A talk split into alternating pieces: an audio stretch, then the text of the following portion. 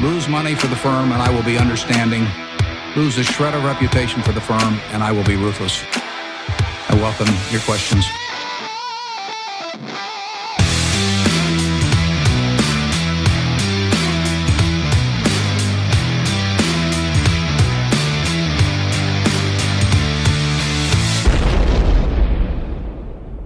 Hej och hjärtligt välkomna till Kvalitetsaktiepodden. Det är jag som är Ola. Och det är jag som är Marcus. Ja, och det är jag som är Klas. Det är avsnitt 155. Släpps natten till torsdag den 23 november. Spelas in dagen innan. Allt som vanligt. Mm. Lite tråkigt, men det är ju lite som den här podden i stort så att det passar. Mörkret då, Jo, har ju det är sänkt sig. Mörkt och grått Ja, är även väl november i ett nötskal. I ett nötskal, även i de här södra delarna av riket där vi befinner oss. Och nu när även rapportperioden går mot sitt slut här så är det väl i stort sett bara tomten och glöggen att se fram emot va? I någorlunda närtid. Är det så? Mm. Eh, avspeglas ju lite grann också i mejlen till podden. Vi får ju ovanligt många mejl nu med frågor om lästips då, kopplade till investeringar. Eh, och eh, vi har några böcker som vi kan tycka, har man inte läst dem så kan man väl passa på att läsa dem och har man läst dem kanske man ska läsa om dem. Mm. Och det var ett tag sedan. Eh, på svenska då, och det här är viktigt för vi brukar få lite kommentarer när vi bara rekommenderar böcker på engelska. Så vi har ju faktiskt försökt hitta bra grejer på svenska också. Mm. Och då har vi ju den här 101 tankar om aktier av Ludvig Rosenstam Åman. Mm. Kanon. Eh, Kristoffer Andersson, Börspsykologi.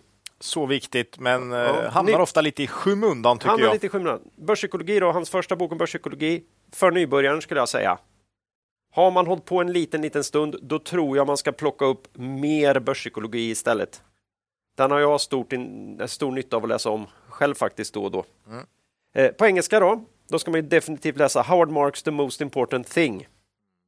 Så är det. Så är det. Peter Lynch, One Upon Wall Street. Om inte annat för att den är oerhört rolig. Bara första kapitlet där är ju helt Eh, briljant. Ja. Ja. Och sen då naturligtvis Hagström, The Warren Buffett Way. Mm. Hösten är räddad. Ja, eller och julen kanske. Man sitter, Julen också. Ja, visst. Slippa Sitter framför, familjen, framför sitt- bra, brasan och Ja. och, ja. Nästan lite julklappstips också. ja, hårda klappar är det i år. Ja, det är det. Det, är det. Böcker, eller är det semihårt, eller? det kan ju vara olika beroende på de vad de är tryckta i för man, man, format. man kan få den både som mjuk och hård faktiskt. Ja, det är Pröva perfekt. att kasta den i huvudet på dig själv. Så så. det är ganska hård alltså. det ganska, ja. Ja, även pocket. Mm. Eh, själva avsnittet här då, om vi ska släppa boktipset, så är det ju några aktuella rapporter, några inaktuella rapporter och ett kärt återseende från Norge. Mm. Eh, sen senast då så har eh, mitt utrum typ blivit klart och då har jag fått eh, lite tid över till det roliga i livet. Och eh, det passar därför väldigt bra att vi förra veckan blev inbjudna till Cavaliers 10-årsjubileum eh, i Nacka strand. Fick vi chansen att mingla där med deras partners, diskretionära kunder och eh, Cavaliers nya ESG-analytiker Jasmin. Mm. Supertrevlig. Eh, vi mötte många härliga aktieintresserade personer, varav en hel del också gillar podden. Det var ju kul. Eller de sa det i alla fall. De kanske bara var artiga. Det inser jag nu här. Men vi, vi nej, någon där kanske åtminstone var ärlig. Eh, vi vill passa på att tacka de här gästerna för, och övriga gästerna för alla trevliga samtal. Och även tacka Cavalier för en mycket trevlig tillställning. Eh, som, ja, det var härligt att vi fick chansen att vara med här och uppmärksamma deras jubileum. Ni var ju där, men vad har ni i övrigt gjort? Nej, jag vet, vi, samma dag, vi slog ju två flugor i en smäll det gjorde vi. vi var ju, Marcus och jag var ju med i Placera-podden då. Och jag finns ju där i bakgrunden på bilden, Ja, ja, så det eh. känns nästan som att jag var med lite grann. Du satt ju där som någon form av... Eh, jag Moral, moraliskt stöd ska jag säga. Ja, lite så. Jag Tidsstudieman. Mm, mm. Eh, nej, men det var riktigt trevligt. Vi tackar Karl och Ludvig för att vi fick gästa. Då. Mm. Eh, bra snack. Eh, och den podden går ju att lyssna på där poddar finns. Ja. Om man är intresserad av att höra lite mer av mig och Marcus. Mm. Eh, det är inte tillräckligt mycket i den här podden kanske. Så att, mm, mm. Ja, jag tänkte ta något kul då som festen eller podden, men det överskuggas tyvärr Av? av, mitt besök hos tandhygienisten. Au. Första gången. Jag var Aj. där. Första gången! Ja, och det kanske var därför det var mindre trevligt då. Mm. Jag hade ju då en del tandsten tydligen. Subgingivalt. Det betyder tydligen att det sitter under tandköttet, så man måste bli, rugga upp det först. Liksom. Hur gjorde man det då, Marcus? Ja, då, då har man verktyg till det. Men jag, jag, började med att fråga när det kommer att göra ont. Då sa hon, självklart, annars har jag inte gjort mitt jobb. Det är ju bra Ja, start. det är så snyggt. Det, det är ju briljant svar ändå, får man säga. Ja, hon lindade inte in det Nej, det är snyggt. Det är snyggt. Och så du sitter ju ändå där fastbunden i princip, så att du kan ju inte göra något. Nej, perfekt ju. Och så höll han på i säkert en halvtimme, det är ju inte kul alltså. Nej. Och avslutar med att säga, ja, när vill du komma igen då? ja, aldrig, säger jag ju helt ärligt. så, Ja, du är så eh, ärlig, Marcus. så vi lämnar det med det. Ju- Claes har ju eh, uttalad tandläkarskräck, har han ju Ja. sagt. Eh, Jag är inte så rädd, det är bara inte kul. det är bara inte kul. You wouldn't believe You the wouldn't pain. believe the pain. det- Ja, ja, men det känns faktiskt. Jag, jag har gjort det många gånger. Jag hoppas aldrig mer. Men det blir Nej, det du, förmodligen du får mer. väl sköta dina tänder. Subginginalt också då. Gigivalt. Gigivalt, jag kan inte. Gingivalt. Gigivalt. Okej. Ja, ja. Nej, men Ja, det var två roliga grejer vi har gjort och en li, mi, lite mindre rolig. Då. Så kan man Ja. sammanfatta. Så är det. Eh, men jag kan säga så här då. För att komma vidare här då. Mm. Några andra som också garanterat var med på Cavaliers 10-årsjubileum. Vet ni vilka det var? ja, jag, jag tänker på Cavaliero då framförallt Håkan och Peter, eller? ja, de var faktiskt där. Ja, det och höll, varit de höll faktiskt hela Det skiten. hade varit väldigt konstigt. Ja, det är ju så. Och de är även med här i podden då. Ja. Eh, vi har ju som vanligt med oss vår huvudsponsor Cavalier AB. Eh, vi brukar ju då och då i podden prata om vår filosofi och process. Eh, senaste rejäla genomgången hade vi i avsnitt 108. Det börjar bli ett tag sedan, men då var det rejält. Och vi rekommenderar alla som missat det avsnittet att lyssna på det. Han är ju tidlös, vet du. Och ja, visst, ja, får det bli en ny, ny utgåva som så är det ju med alla. Hur, hur många Spiderman finns det nu första? Det blir samma med det här, vårat 108 Det liksom. är som Fifa, nytt spel varje år. Ja, nytt spel varje år. Eh, nej men, eh, har man kommit in efter kan man ha gjort också. Vi får ju faktiskt en hel del nya lyssnare här. Då kan det vara läge att, att titta till 108. Eh, och då märker man när man lyssnar på det att vi trycker en hel del på det där med risk och att vi jobbar med att överprestera mot börsen varje år. Det är inte viktigt med egentligen så här, exakt hur mycket det blir. Och vi blir kanske inte jättelyckliga om vi gör det jättemycket något år, för då vet vi att det där var slump. Det där var inte vi riktigt, utan det där var något annat. Att vi blir ganska glada då ändå. Ja, nej, för då är ju risken att det går käpprätt åt andra hållet ett annat år så att säga. Utan vi vill hålla ner risken i portföljen. Vi vill helt enkelt vara duktiga på riskjusterad avkastning. Och Peter och Håkan på Cavalier jobbar ju de, även de efter den devisen. Och då tänkte jag faktiskt igen här, som jag gjort någon gång tidigare, läsa upp vad de säger när de beskriver sin filosofi då på hemsidan kavaljer.se. Och då citerar jag här. Cavalier bedriver aktiv kapitalförvaltning med inriktning på kvalitetsbolag. Med aktiv förvaltning avser vi att vi agerar indexoberoende, det vill säga att vi istället för att ta hänsyn till ett innehavsviktindex väljer innehav utifrån egen analys och tror på den avkastningspotential vi bedömer att varje värdepapper kan generera. Med kvalitetsbolag menar vi bland annat bolag som över en längre tid visat stigande omsättning och vinst, har stabila finanser och en bevisat kompetent ledning. Vi investerar både i mindre och större noterade bolag. Mindre bolag kan ofta växa, växa snabbare och är ofta inte lika välbevakade som större bolag och kan därför ge en bättre långsiktig avkastning. Vår filosofi passar bra för långsiktiga investerare som önskar god riskjusterad avkastning. Det var Ja, lite citat. likt, tycker jag. Det var lite likt va? Väldigt likt. Ja, och en viktig indikator på att eh, Cavalier söker just eh, hög ri- riskjusterad avkastning är att fonderna över tid ligger högt i sina jämförelseindex på Morningstar. I dagsläget ligger till exempel Caval- Cavalier Quality Focus tvåa på ett år och etta, eller typ dela detta, på tre år. Ja. Det är ju Fint. konsistent. Va? Mm. Eh, Vill man veta mer om filosofin bakom Cavaliers förvaltning hittar man all information man kan önska på kavaljer.se. Där kan man även prenumerera på deras informativa månadsbrev. Och eh, köpa in sig i fonderna kan man göra bland annat hos Nordnet, Avanza och Saver. Och när vi pratar om fonder är det också viktigt att komma ihåg att historisk avkastning i fonder inte behöver vara en indikator på framtida avkastning och att ni kan förlora delar av ert satsade kapital då fonder både kan gå upp och ner i värde. Tack säger vi till vår huvudsponsor Cavalier AB. Mm. Eh, vi har ju också ett samarbete med Modular Finance eh, för att se hur, hur vi kan ta, dra nytta av deras fantastiska tjänst Holdings. Både som inspirationsverktyg och för att spetsa till eh, vår exekvering. Eh, att veta vilka som äger och handlar i bolagen vi är intresserade av är viktig information, särskilt om man som vi arbetar professionellt med investeringar. Tack säger vi till Modular Finance och deras tjänst Holdings. Eh, innan vi går vidare i avsnittet vill vi påminna våra lyssnare om att aktieinvesteringar alltid innebär ett stort risktagande. Aktier kan både gå upp och ner i värde. Satsa därför aldrig kapital på aktier som du inte är beredd att förlora. Det vi säger på den ska aldrig betraktas som köp eller säljrekommendationer. Gör alltid en egen analys av bolagen innan eventuell handel. Ja, lite aktuellt då Macka, eller? Ja, Finns det något? ja, det finns lite grann. Det Härligt. jag. Nej, men vi börjar alltid med sen senast då. 5 upp igen. Ja, nu är det glada dagar. Två gånger i rad har det varit riktigt starkt faktiskt. Klackarna i taket helt plötsligt. Japp. Är det det här klassiska säsongsmönstret eller? Jag vet inte, man tror nästan det.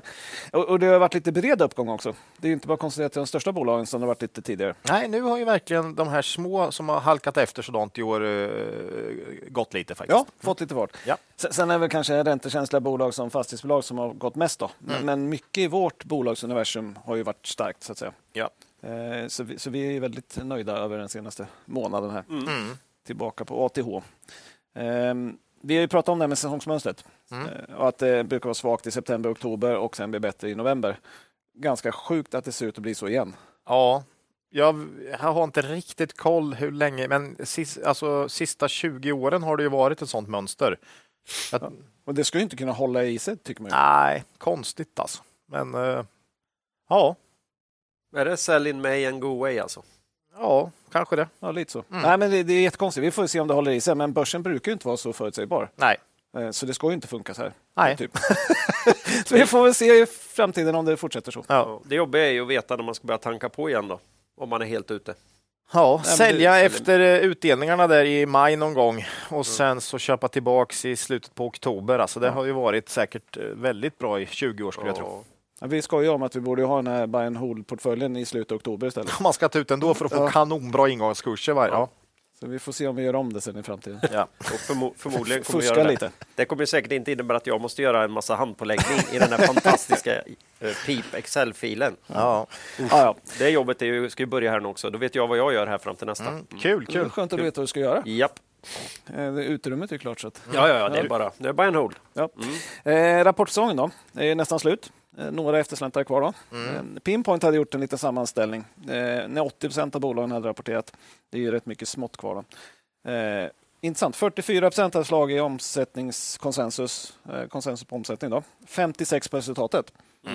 Så att lite sämre på försäljning, lite bättre på marginal.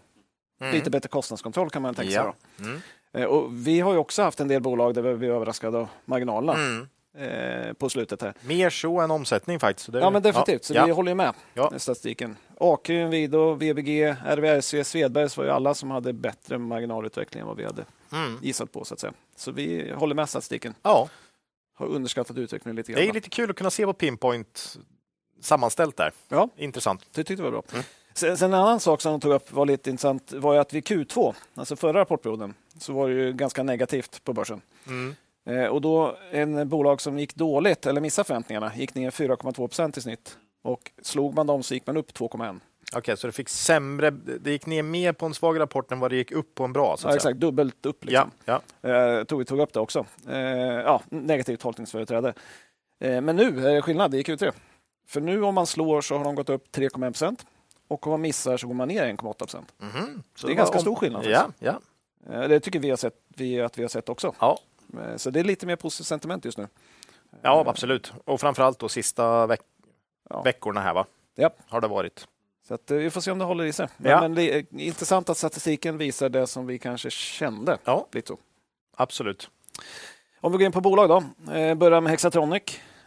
Vi, vi tog upp dem i förra podden så vi måste nästan göra det igen här. För vi sa då att det var stor risk för att den här höjningen man gjorde i februari 2023 då, när man ökade målen från 12 eh, procent ebita, ebita till 15 till 17 procent skulle kunna behöva justeras framöver. Och vi sa vi får vänta på kommande rapporter och se om det blir så. Mm. Vi behövde ju inte vänta så länge. Nej, Eh, För 21 november redan så kommer vi med vinstvarning. Det måste vara en av de snabbaste någonsin tror jag. jag inte. Ja, typ halva kvartalet har ju bara gått. Ja, och det är tre, eller fyra, knappt fyra veckor sedan de gav själva Mm. prognosen så att säga. Ja, Det är snabbt. ja. Det har nog gått lite sämre än väntat si- sista veckorna här då. Ja, och det är väl där man måste tro då, att det måste Ja. ha blivit en ganska snabb försämring Ja, eh, när det går så fort så att säga. ja eller alternativet är ju att man inte riktigt sa hur det var. vad, vad man borde ha sagt för en månad sedan. Så kan det också vara. Eh, Men då är det är inte, det är inte kul det heller. Om man, så att, oavsett så är det inte så roligt. Nej, Och han satt där och hoppades på att nu vänder det, nu vänder det, nu vänder det, nu vänder Nej. Ja, Nej. Nej, men för det man sa nu var att man gick från de här 15 till 17 procenten och sa att man istället tror på 12 till 14 procent. Eh, exklusive då lite omstruktureringskostnader för att man ska göra ett kostnadsbesparingsprogram. Då. mm. Eh, vi kan väl tycka att det här kanske inte kom som en blixt från klar, himmel. Vi trodde ju det. ja. Eh, men börsen tyckte det, för minus 35 procent. herregud. Ja, och det är på en kurs som har gått extremt svagt innan. Ja, Alltså, när de här såna här darlings Ja. eh, fallerar, då blir det ju brutalt. Alltså. Ja, den här aktien är vi ner 85 procent. Ja, 87 till och med. I år? I, i år. Shit, ja. Nej, det, det där är ju faran med att... Mm. Och, och det är väl gissningsvis så att man är väldigt orolig för nästa år. Mer, mer än att den här prognosen för H2 i år Ja. sänktes lite grann. Rimligtvis. Och, se, och sen att eh, liksom, man, man, förtroendet får sig en knäck när det är så många grejer på rad. Nej, men det här är ju återigen en påminnelse om att jo, då, helt sinnessjukt förändrad, eh, helt sinnessjukt förändrad performance från ett bolag. Det kan vara, det kan vara något helt nytt. Det, men allt som oftast är det ju inte det. Och nu har vi i alla fall tillfälligtvis kunnat se här i Hexatronic att ja, här var det ju inte det då. Nej, det ser men- inte ut så. nej, att, Det var att man, lite väl bra där. Mm. Men, men eh, och, det, och det man kan tänka på, på där då är, alltså, till att börja med, alltså nu börjar man redan prata nyemissionsrisk här. Från att ha varit liksom så tokhåsad för mindre än ett år sedan Mm. så börjar vi prata om hur ska bolaget få tag i pengar. Mm. Det är ju helt sjukt. Ja. Eh, Men det här är ju ett jätteintressant bolag på en, en framtidsmarknad fortfarande. Det måste ju rimligtvis vara det. Ändå. Det ska man ju ha klart för sig. Värderingen nu är ju riktigt låg.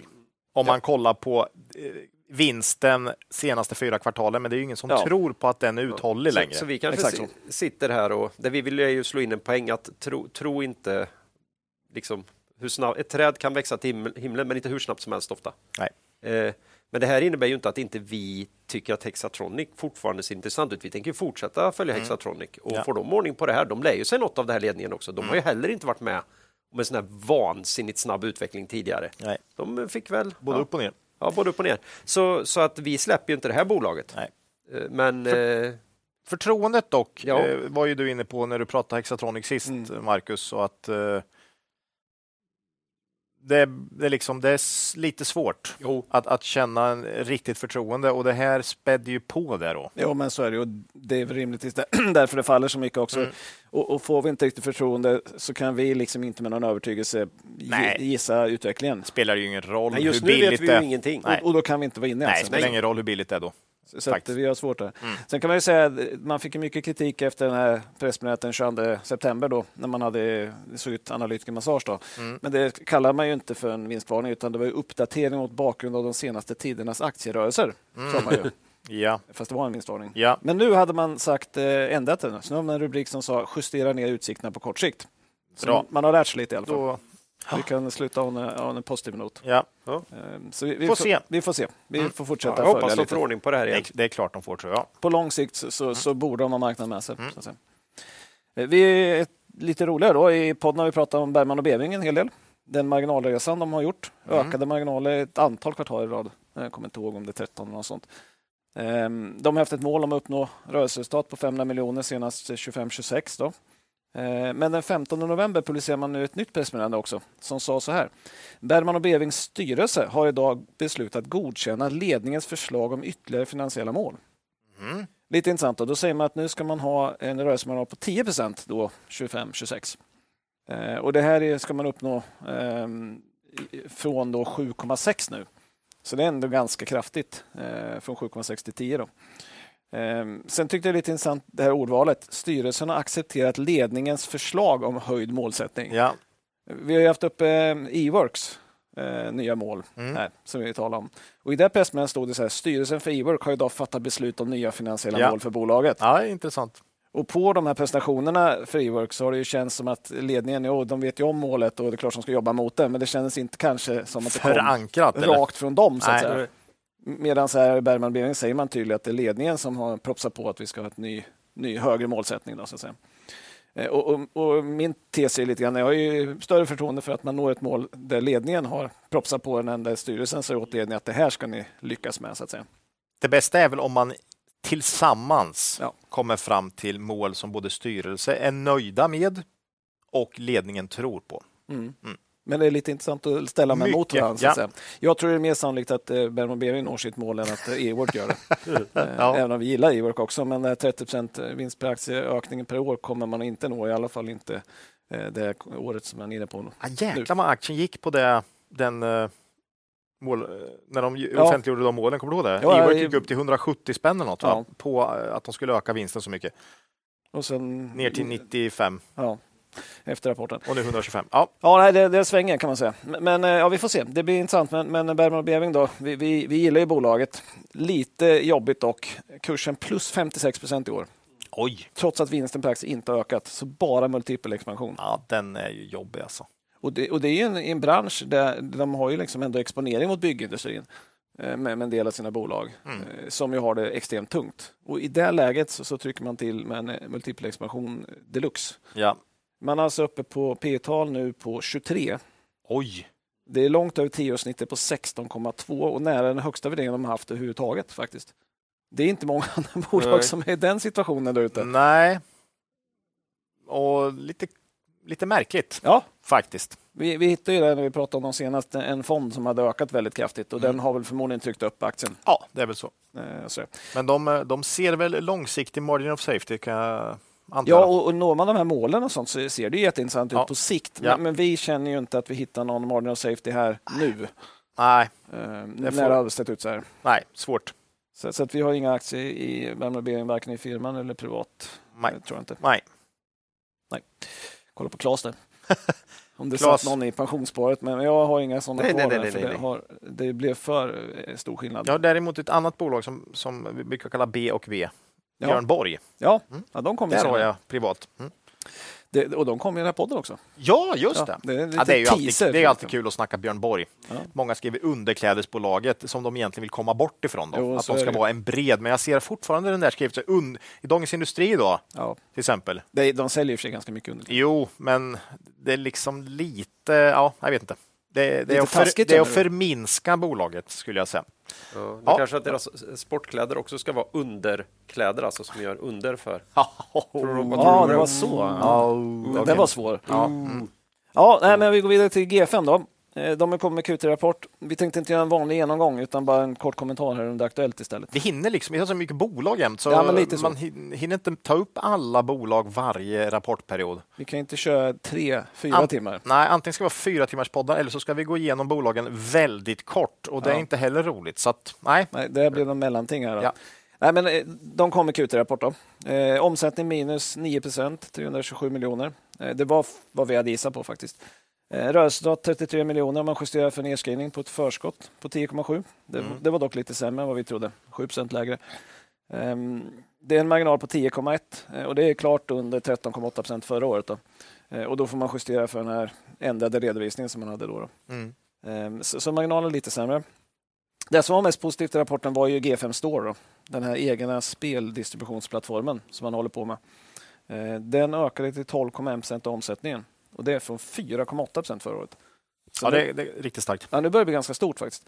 Och fördelen här är då att man inte behöver betala avgifterna till de här plattformarna, App Store, Google Play och, och så vidare. Mm. Eh, Så att man får behålla mer av, av pengen så att säga. Eh, och det bidrog till att bruttomarginalen steg till rekordhöga 68,1 procent. Eh, G5 har ju på rullande 12 nu, vinst per aktie 20,50 ungefär. Eh, kurs 147, P 7,2. På redovisad vinst. Då redovisar Ja, det, det är inte mycket förväntningar på framtiden här nu alltså. med nettokassa. Med nettokassa.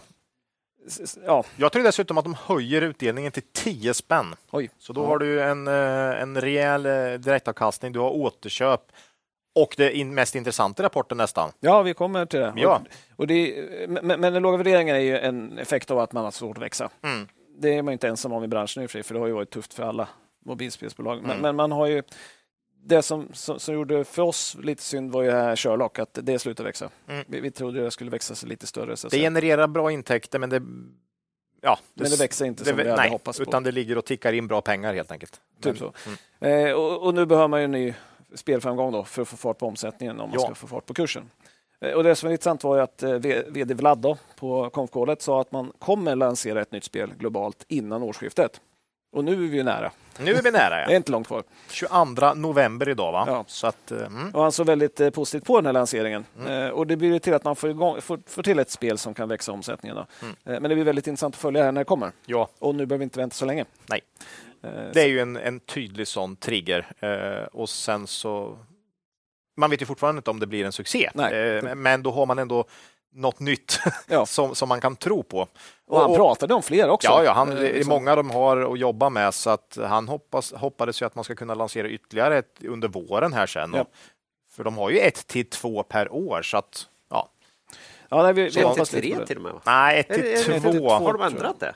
Nej, jag tror det var ett till två faktiskt. Det här ska jag gräva i. Gräv i det där du. Gräv i det där nu. Fan, tror han Det här ska han få skit för. det här ska han ha skit för. Nej, nej, Nu rynkar bara- Claes pannan, då blir Ja. vi oroliga. Här, Nej, då är det- det, här, eh, det här känner jag inte igen. Jag tror... Ja, de hade massa under utveckling. Sen hade de väl typ 6 till 7 i soft launch va? och sen en till två som ska lanseras globalt. Det var väl så de hade. när de kommer med sin nya deal. jag tror det. Men kolla upp det där du Claes, så tar vi det i nästa podd. Ingen bryr sig. Det räcker med att de får fram ett. Så är alla är överlyckliga. Så det är helt Ja, ointressant. men så här, i de här, det gäller ju alla de här mobilspelsbolagen som är så lågt värderade. Får de en hit, då spelar ju ingenting annat någon roll nästan. Det, det, är, är, ja. det, är det inte lite intressant det här när branscher går från älskat till hatat och sånt här? Det, det brukar ju vi...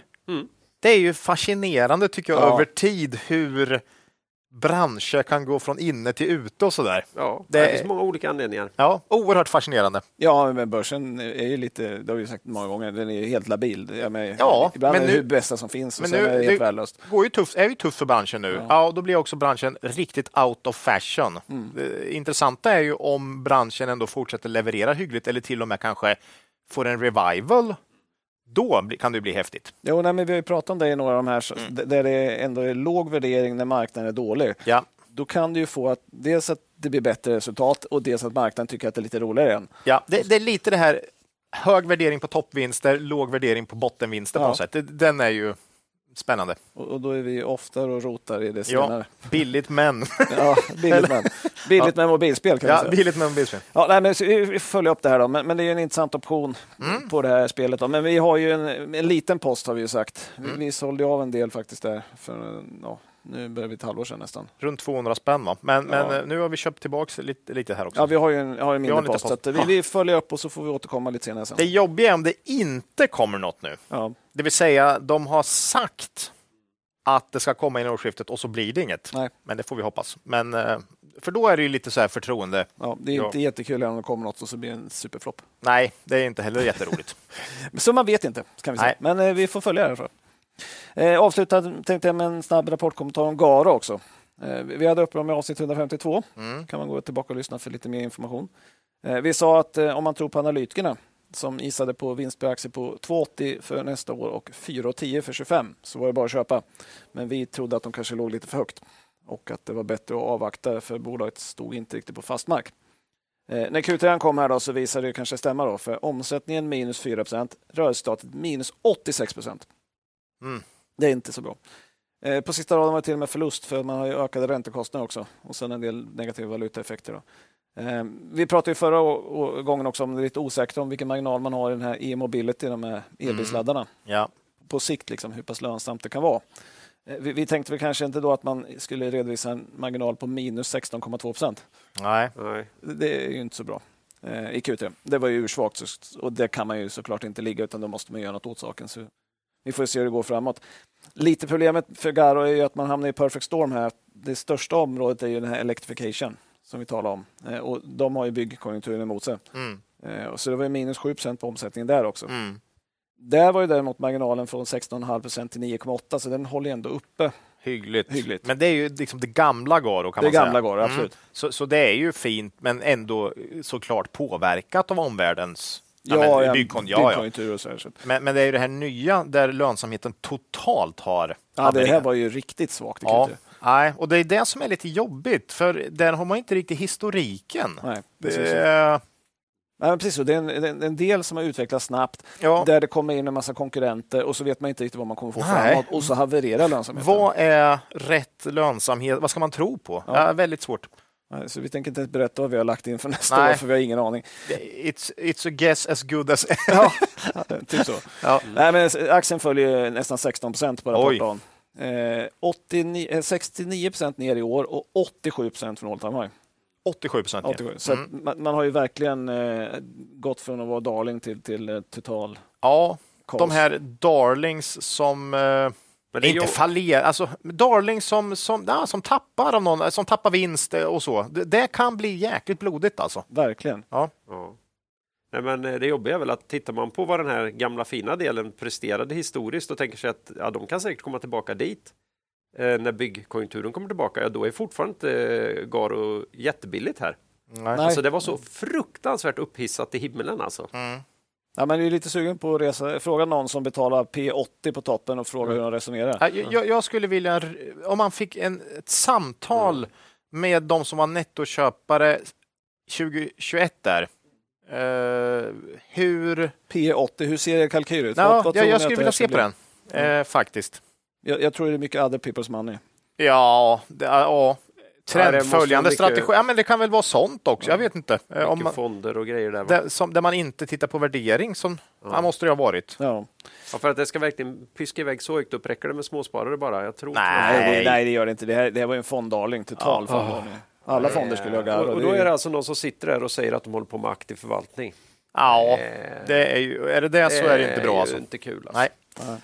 Okej. Ja, visst. Men, men vi tycker kanske också att man borde ställa in utdelningen. Eh, Man har nettoskuld ebitda på 2,8 nu Mm. Eh, och resultatet eh, ser ut på den som det ser ut. Så vi tycker kanske man borde ställa in den här utdelningen. Vi får se om man gör väljer att göra så. Mm. Ja. Men, men ja, man har ju gått från en superstark finansiell ställning till inte alls lika stark. Så att vi, vi får se. Ja. Ja, det var, Garo är med på vinnarlistan idag dock. Ja, vad kul 7 för dem. procent, 7 procent upp, men det är ju säkert föga, föga tillräckligt för... För de som köpte... Och för, de köpte som, för de som köpte igår. Ja, för dem är det bra. Nej, och, och, så, och, och så är det all- alltid ett spel om sann, eller liksom, sannolikhet och förväntningar. Ja. Ja, ja. Så, så att härifrån, om, om det hämtar sig, så kanske det finns jättegod potential. Ja, Men, men det, är ju, det, är, ja, det har ju blivit... Det, det är mycket lägre biljett såklart. Ja. Men, men de har haft jätteproblem. Mm. Det var det sista. gött. Det var aktuellt det. Mm. Ja. Eh, då tänkte jag berätta här att eh, vi har ju idag naturligtvis som vanligt med oss vår äldsta samarbetspartner Börsdata. Mm, värdeinvesterarens bästa vän, det vet ju alla. Det vet alla. Eh, och de jobbar ju oförtrutet vidare med plattformen. Vi har pratat lite om det nu att de har lagt ett stort fokus här på sin superfina estimatfunktion på senaste. Och för att alla användare här av plattformen snabbt eh, ska kunna få en överblick över hela den här utökade estimatfunktionaliteten så har de spelat in en in, eh, instruktionsfilm. Eller introduktionsfilm kan vi kalla det också. Som vi länkar till avsnittsbeskrivningen. Den tycker jag man ska titta på. Vi försöker alltid trycka på det här att man alltid ska göra sin egen analys och ha en egen idé om vad bolagen man investerar i är värda. Mm. Och använder man då den här estimatfunktionen, då kan man ju faktiskt ganska snabbt göra just det. Få, sin, få fram Precis. sin egen syn då. Och det är väldigt lärorikt att, att, att, att göra sina egna prognoser och sen stämma av vad de blev. För, för om man inte gör det så blir det en helt annan sak när rapporterna kommer. För då, då tittar man, okej det blev sådär, men när du verkligen får svart på vitt på vad trodde man innan, man måste fundera vad det ska bli och sen kan man stämma av det. Det är en helt annan sak. Så ta en titt på filmen och kom igång, ni som inte redan gjort det. Och är man dessutom, dessutom, dessutom inte medlem hos Börsdata än, bli det. Ja. Alla medlemsnivåer, priser och själva tjänsten hittar man via borsdata.se. Tack säger vi till Börsdata. Ja, då har det blivit dags för bolagen då. Och eh, det är jag. Ja, du valde ju något på A, så du hade ju... Mm. Det är lite kamp om det här. Mm. Eh, ni satt ju och letade danska bolag med så många an i början här nu som vi ska börja ta i podden här så att det var ju Jag hamnar sist idag. Det, Aj, det, aj, aj. Igen, du är ingen bra på det där. Men jag lägger upp fötterna här och lyssnar lite på det vad ni har att ja, säga. Det kan du göra. Det, kan du göra. Det, är det, det är bra att vi har de här eh, mikrofonerna som sitter fast på oss istället för i bordet nu. Mm. Nej, eh, jag ska ju börja då med Aligo. Mm. Eh, Ja, det, det ligger ju tidigt i alfabetet. eh, det här är ju börsens svar på den trojanska hästen. vill jag säga då. Va? Det här är ju det här är relativt, i alla fall utanför den här podden, relativt okända B2B-handelsbolaget då, som i buken på den här trähästen döljer finfina varumärken som Swedol, Tools och Grolls och även Univern. Det är väl eh, stort i Norge, tänker jag. Mm. Eh, och Det här får mig för övrigt att fundera på vad som skulle hända om eh, Phoenix Outdoor tog koncernnamnet Fjällräven istället och kanske passa på att samtidigt splitta aktien i fyra. Ja, skulle nog gå ett par procent på det, va? Eller? Tycker ni lyssnare ute kan leta reda på någon investerarkompis och köra lite bikupa på den grejen? Och sen skickar vi varsitt mejl då till Martin, eh, ordförande och eh, storägare här. Det tror jag skulle kunna hända något. Nej, åter till Aligo då. Senast med avsnitt 149. Eh, och vi pratade redan då om utmaningen som finns för Aligo. Eh, som, de har ju blivit placerade lite i byggfacket av marknaden. Eh, och det är en ganska otrevlig plats att befinna sig på just nu om man vill ha kärlek från börsen. Eh, VD Klein Johansson Ullevik eh, tog fasta på det här i konfkollet för Q3 där han pekade på att eh, det är inte, ja, direkt egentligen öppnar hela konfkollet med att peka på att de är verksamma inom inte mindre än åtta olika segment, Aligo alltså. Eh, man ser, eh, servar med allt från arbetskläder till verktygsdelar. Då. Så utöver bygg så, så har man delat in sina kunder i sju andra områden. Eh, och eh, här går det betydligt bättre för många än för bygg, då, även om lågkonjunkturen känns eh, både här och där. Och Det är alltså tillverkningsindustri, transport och lager, jordbruk och skogsbruk, verkstäder och serviceföretag, offentlig sektor och sen har de också då fiskeindustri och oljeindustri. Eh, de två senare här chockerande nog mest i Norge. Står det, ja. Lät lite norskt. Och de har dessutom gått riktigt bra här nu senaste kvartalet. Då. Det är lite fascinerande. Ja, men det här du sa om att de är liksom placerade i byggfacket lite. Vi, vi hade ju uppe Bergman och Beving här nyss. Hur de nu hade fått en premium. Ja, de verkar inte vara i det facket. Nej, men det är, det är också en hel del byggrelaterat. Eh, Men de har P22 och det här P9. Alltså att, att, att börsen Ja. är så oerhört olika när man placerar saker i fack. Va? Ja. Det är, lite, ja, det är spännande. Jag tänker mig att det är väl för att de som handlar i det här bolaget vet ju vad det är och då är det ju Swedol för många svenskar. Mm. Och det ser man väl framför sig lite. Jag tror man tycker, är det inte lite som Byggmax? Är det inte lite? Ja, Ja, ja. men är det inte lite så? Ja, Eh, man har svårt att se att det är någonting betydligt bredare Mm. Ja. än det. Då. Det, det som vi tycker är intressant är ju att vi vet ju att börsen ofta flyttar saker från fack till fack också. ja. Och då blir det ganska stora rörelser. ja, som i Bergman och Beving Ja, till plötsligt. har flyttats till ett nytt fack. Till ett finare fack. mycket finare fack. Ja. Men det kan ju hända med andra bolag också. Ja, Det absolut. Nej, så det, det är intressant iakttagelse här. And it works both ways. Sorry. Claes, kör. Shoot. Nej, vadå? Det var ju kanon ju. Det var det va? Ja, Aligo då har ju också sedan senast kommunicerat att de förtydligar sin varumärkesstrategi. Alla butiker i Sverige blir nu Swedol. Butikerna i Norge och Finland blir Tools. Det visste inte jag. Jaha, Grolls-butikerna blir Swedol och... Ja, Jaha. eller Tools då, beroende på var de ligger. Ja, jo. Och Univern blir Tools. Sen så tror jag att de här varumärken kommer finnas i butiken. Mm. De kommer fortfarande liksom hitta Grolls och på något sätt. Grolls, är det ett eget... Jag vet inte. Nej, jag tror inte det. Ah, nu, nu, nu, nu, sitter ju. Klein och... eh, Det är ett varumärke på Skrattar åt grejerna oss. i alla fall. Det är ett varumärke på sakerna. Det var Ja, kul du sa eh, det, om- att Ja. Klein skrattar åt oss, för han har ju gjort bort sig och lovat att vara med i podden här. Ja, så så han att, eh, den här, med- det här är någonting vi ska reda ut ordentligt Ja. i, i något av avsnitten som kommer runt jul och nyår. Där. Jag vet i alla fall att butikerna i Sverige har hetat, hetat eh, Swedol, Grolls och Tools, va? Ja. Men nu, nu, nu blir det så här. Ja, Klein kommer reda ut där. ja. Ja, ja. Eh, han får reda ut det. Klein. Klein. Klein, ja. Eh, när vi senast pratade Ligo eh, så konstaterar vi att de, eh, precis som många andra företag, med en eh, del eh, av försäljning till bygg och inköp i dollar. Mycket tuff tid. Utmaningar både i omsättning och vinst. Eh, nu, särskilt nu då när man inte kan höja priserna hur som helst längre, som man kunde under värsta inflationstrycket där. De, de har väl sagt det att de skulle ju på kort sikt kunna höja priserna men väldigt det- ordentligt, men, men det skulle få konsekvenser på lång sikt. Är att, klart. att de måste liksom balansera kostnadstäckningen på kort sikt med att ha ett attraktivt erbjudande på lång sikt. Så att säga. Det är lite intressant att dollarn har tappat en del på slutet. Det är sånt som gynnar den där typen Ja. av bolag som säljer i Sverige och köper in. Absolut. Så att, mm.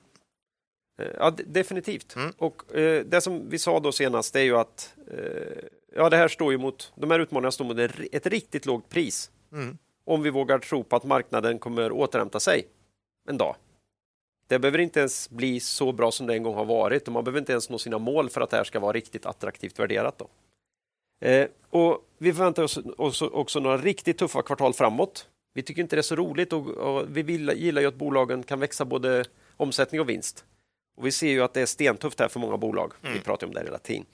Eh, här här går, gick ju då eh, Klein upp mot ett riktigt, en riktigt stark Q3 från 2022. Eh, den var jättebra då. Så här hade vi tufft jämförelsekvartal och när rapporten kom för snart en månad sedan, så vi har sugit lite på den här karamellen. Eh, omsättningen var då ner 9% organiskt, men oförändrad efter förvärv. Eh, och sådär. Mm.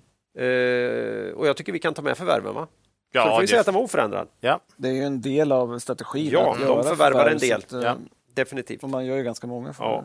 Valutan gjorde väl lite, de har ju lite Finland och så också. Men, ja. ja, den behövde de inte ta, för att bara gå, gå jämnt upp med den organiska minskningen. Eh, nej, så det var bra. Eh, den största eh, positiva överraskningen i rapporten då, i alla fall för oss, det var ju rörelsemarginalen här. Som i flera bolag. 8,2 procent. Starkt. Ökning från 7,8 eh, från förra året och betydligt bättre än vad vi själva hade hoppats på. Ja, vi har ju några bolag som har tuff marknad och ändå lyckas öka lönsamheten. Ja. Det, det, det, var inte något vi hade i våra kalkyler inför Q3-perioden. Alltså Swedol, Swedol eh, Aligo, eh, där har vi ju ändå pratat om det här att det underliggande förändringsarbetet för att höja lönsamheten är en av grundpelarna här för vår mm. investering. Ja.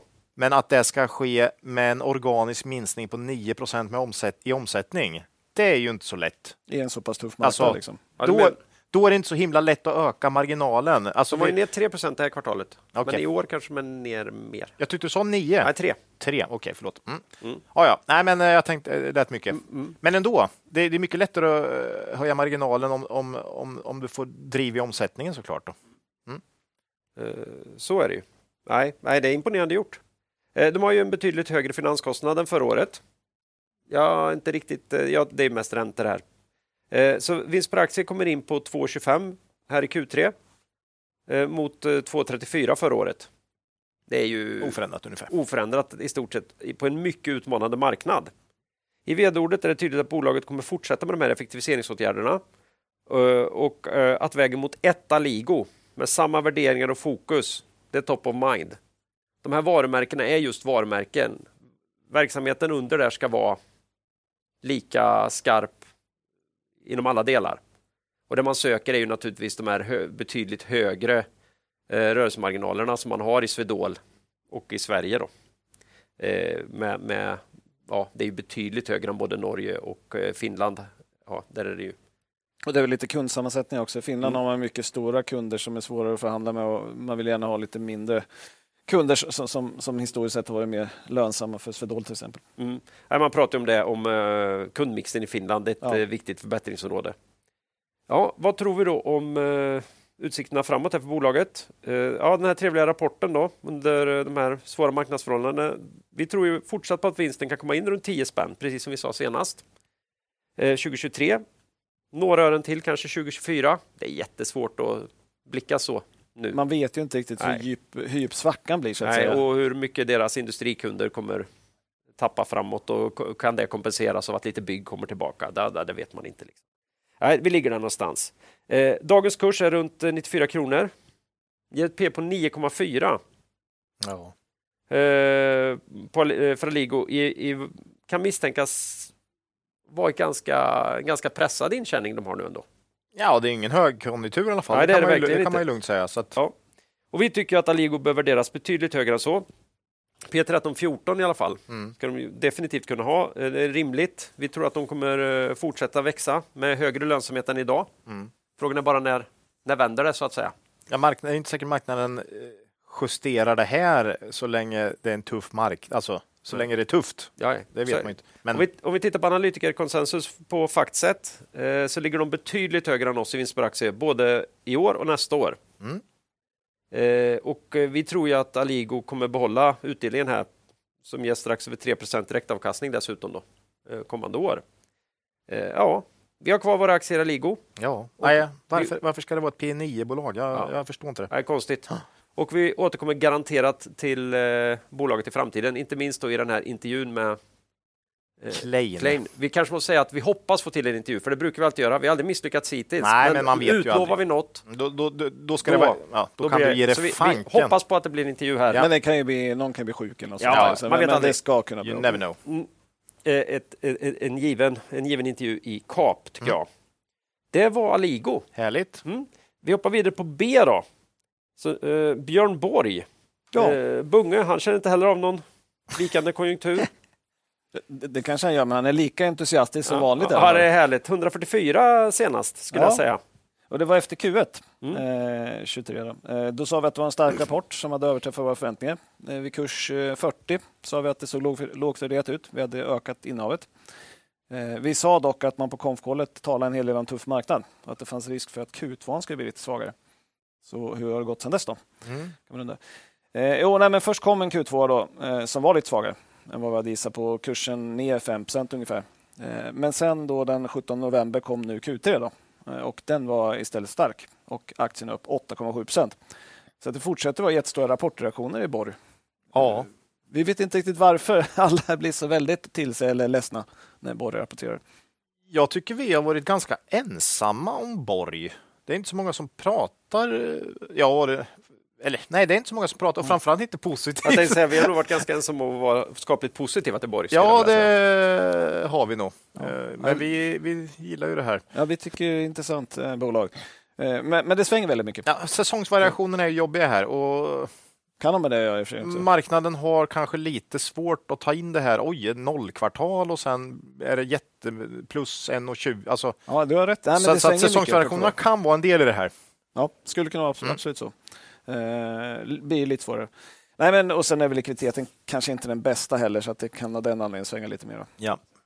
Eh, men om vi tar Q3 då. Eh, det var främst omsättningen som överraskade oss positivt. Det var 5% upp. Valutaneutralt 1 upp. Då. Det är all time high för ett kvartal eh, och starkt. Det är en tuff konsumentmarknad vi har just nu Mycket. ändå, får man säga. Och Borg har en hel del i Sverige. Och i Sverige är ju ja, nästan sämst i Europa Mm. på, på, på de flesta mätningarna man ser. så att säga.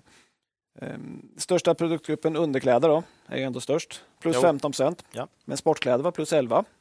Eh, får också bra. Eh, Det som hade tufft var skor minus 11 och väskor minus 26. Då. Eh, Men, men ja, det är sko, sportkläder är det som vi tycker är viktigast att det växer på. så att säga. Borg säger att det är en tuff marknad där ute, men att de ökade marknadsandelarna tack vare att varumärket fortsätter utvecklas positivt.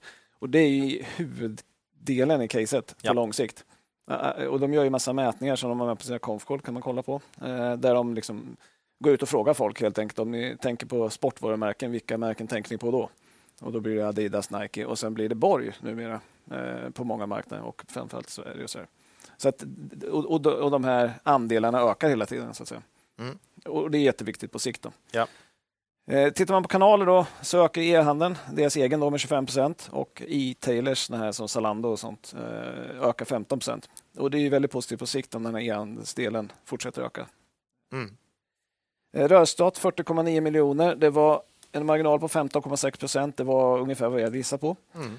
Eh, Borg anger att resultatet ökat 34 procent. Eh, skrev man stort. Men då tycker jag att man har en engångspost här från förra året. 7,2 miljoner i återbetalning av covid-stöd i Nederländerna. Och så hade man ju det här incitamentsprogrammet som Claes är så förtjust i. Var du tvungen att ta upp det?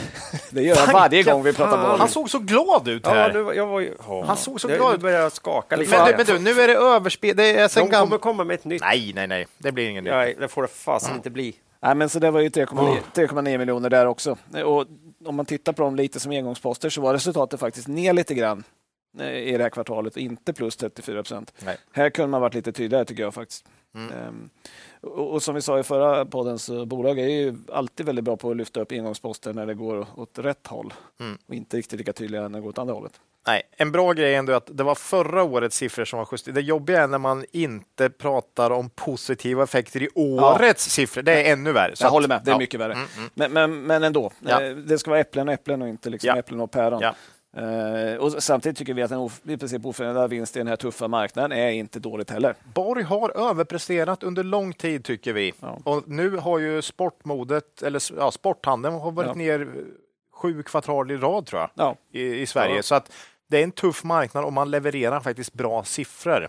Så att eh, vi, vi, vi tycker de överpresterar. Eh, Och vi har ju tidigare talat också i podden om det här skiftet mot e-handel och att det innebär möjlighet till förbättrad marginal.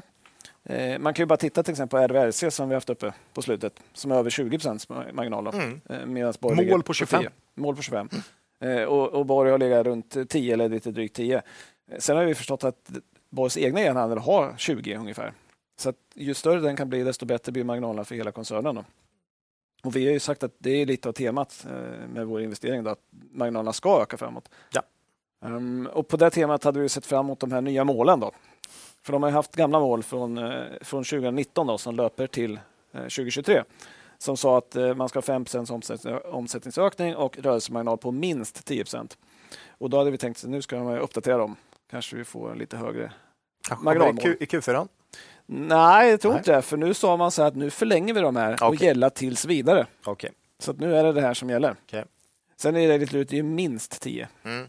Ja, minst 10 kan ju vara ganska mycket över. Mm, mm, mm. Men vi hade ändå kanske tänkt att man skulle säga att ja, men nu tror vi på 12 procent framåt eller något liknande. Ja, ja. Eh, om det nu är det man tror på. Ja. För vi tror ju att ett varumärkesbolag som Borgs med starkt varumärke som har allt med e-handel ska kunna ha lite högre marginal. Skulle det kunna vara så att det är så tufft nu där ute så man inte känner att man riktigt vill höja målsättningen i en sån här tuff konsumentkonjunktur? Ja. konjunktur. Så kan det att man kanske vara. väntar tills man ser att Nej, men nu är det lite lättare att få driv i det här för nu är det en lite mer normal marknad. Ja, så att säga. Så absolut. att det kanske, ja. Nej, men så, så, du kan, Kan ha vara hund- 100% rätt. Så, Ja. så kan det vara. Så vi får ju se om något år kanske om, Ja. om, om man känner igen. Men, men vi var, det var lite synd. Vi trodde kanske ändå att man skulle återkomma med något annat än att säga att ah, vi fortsätter bara med gamla. Mm. Eh, tittar man på eh, skuldsättning då, så nettoskuld inom ebitda eh, på BAR stigit lite 1,3 ink leasing, 0,84 x leasing utan leasing. Då. Eh, fortfarande starkt. Det är inte en, ingen fara där. Vi tror man behåller utdelningen på 2 kronor per aktie. Ger direktavkastning på 5% ungefär. Stabil hög utdelare alltså. Det har alltid varit. Ja, ja, visst. Och, och det är många som, som, äger Borg som en utdelningsaktie. Mm. För man har haft en, en stabil utdelning under Kommer ni ihåg i botten på covid när man inte var helt säker på att de inte skulle behöva nyemission och så? Alltså. Mm. Kommer ni ihåg det? När vi Ja, satt det var inte länge sedan. det, då var det, för då hade de lite skuldsättning där ett tag Ja. också som var lite svettig och så föll marknaden totalt ju. Ja. Eh, Så att ja, det, Men, men de som höll i fick väldigt bra ja avkastning herregud. Den, den, var, den var väldigt lågt värderad där ett Det var tag. 14 kronor något, va? Eller Jag kommer 13 inte någonstans. ihåg. 13, Ja, det 14 var- tror jag. Ja. någonstans. Ja, nej, men, men för oss är ju liksom, det är inte ett utdelningscase utan vi, vi, vi, det här är caset med varumärket Borg Ja. för oss. Vi tror att man, man, man på sikt kan, kan växa det varumärket ännu större och att man kan öka lönsamheten och mer, mer i e-handel. Mm. Eh, Borg talade på konfkåret om att det fanns en hel del potential, eh, bland, bland annat rörande underkläder och sport för kvinnor. Mm. De, de sa att det går jättestarkt i deras e-handel, just de delarna, men att de inte får ut de produkterna till återförsäljarna på samma sätt. Mhm. De har liksom inte lyckats övertala dem att det är tillräckligt attraktivt och stort segment. Då. Okej. Men, men där har man en intressant eh, liksom, Ja. potential. Tittar vi på värdering då. Eh, Borg har en vinst per aktie på 2,64 på rullande 12. Eh, dagskurs 43 spänn, ungefär 16 i P. Mm. Eh, vi tror att de kan öka vinsten lite grann nästa år. Vi har 3,16 i våra ark. Det skulle ge P 13,6. Mm. Eh, Penser följer bolaget. De har gjort en uppdatering efter Q3 idag. Eh, De tror på vinst per aktie på hela 4,30 P 10 nästa år. Då. Stora skillnaden är att de tror på rörelsemarginal 2024 på hela 14,9 procent. Vi tror ju också att man kommer öka marginalerna på sikt, men inte så där fort.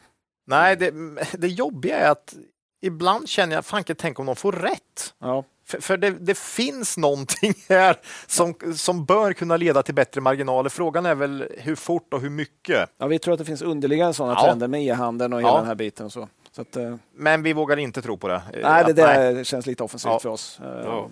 Men, men, men sammantaget, vi tycker ändå att det ser fortsatt attraktivt ut. Vi äger fortsatt aktier Ja. i, i Borg. Mm. Eh, sen är vi inte bolaget med störst margin of safety just nu, Nej. eh, utan det är lite mer, det är en tuff marknad just nu.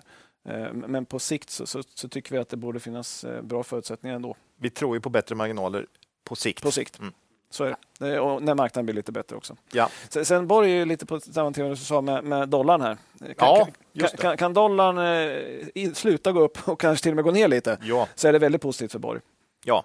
Ehm, Och, och, och det här med eh, den att komma ut till mer tjejer, Mm. eller kvinnor, de kommer ju också från, nu kanske de kallas underklädesbolagen, men de kommer faktiskt från att kallas kalsong. ja, till och med. Så, så, det, så liksom, det har varit väldigt nischat bolag liksom historiskt Mm. med, med en viss produkt som man har liksom kopplat till.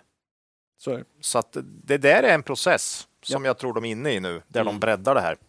Jag, jag, Och, och, jag älskar deras träningskläder till exempel. jag tycker man ser mer sådana Ja. kläder överallt hela tiden. Och väskor. Jag gillar, jag, alltså, accessoar, det är bra grejer alltså. Nej. Och om, om jag nu till äventyrs inte skulle få med mig mina kapbadbrallor någonstans, då är det ju direkt Björn Borg som gäller. Det är Borg. Det är Borg. Mm. Så är det. Sen Så. handlar det väl lite om kidsen. Mm.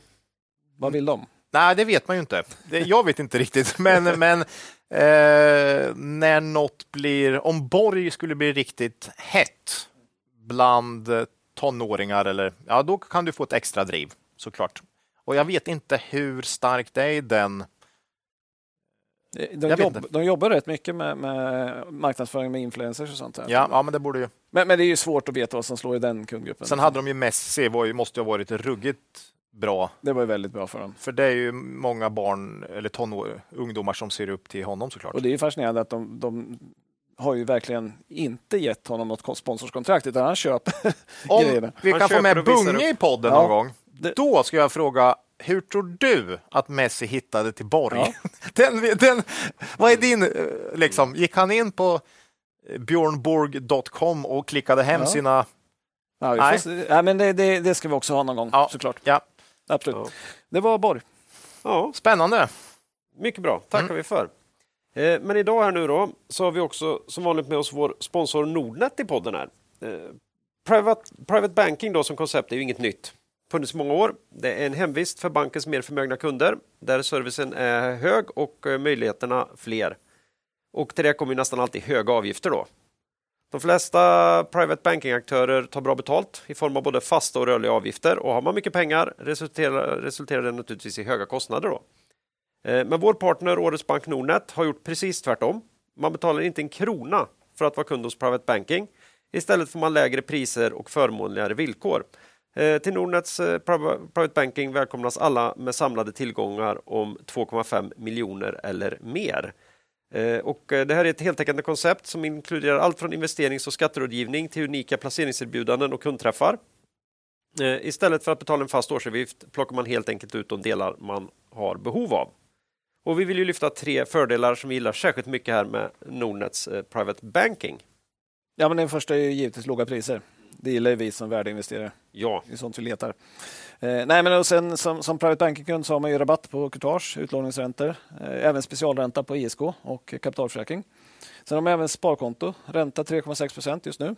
Och det är ett konto med, utan avgifter, fria uttag, räntan månadsvis utbetalad. Då.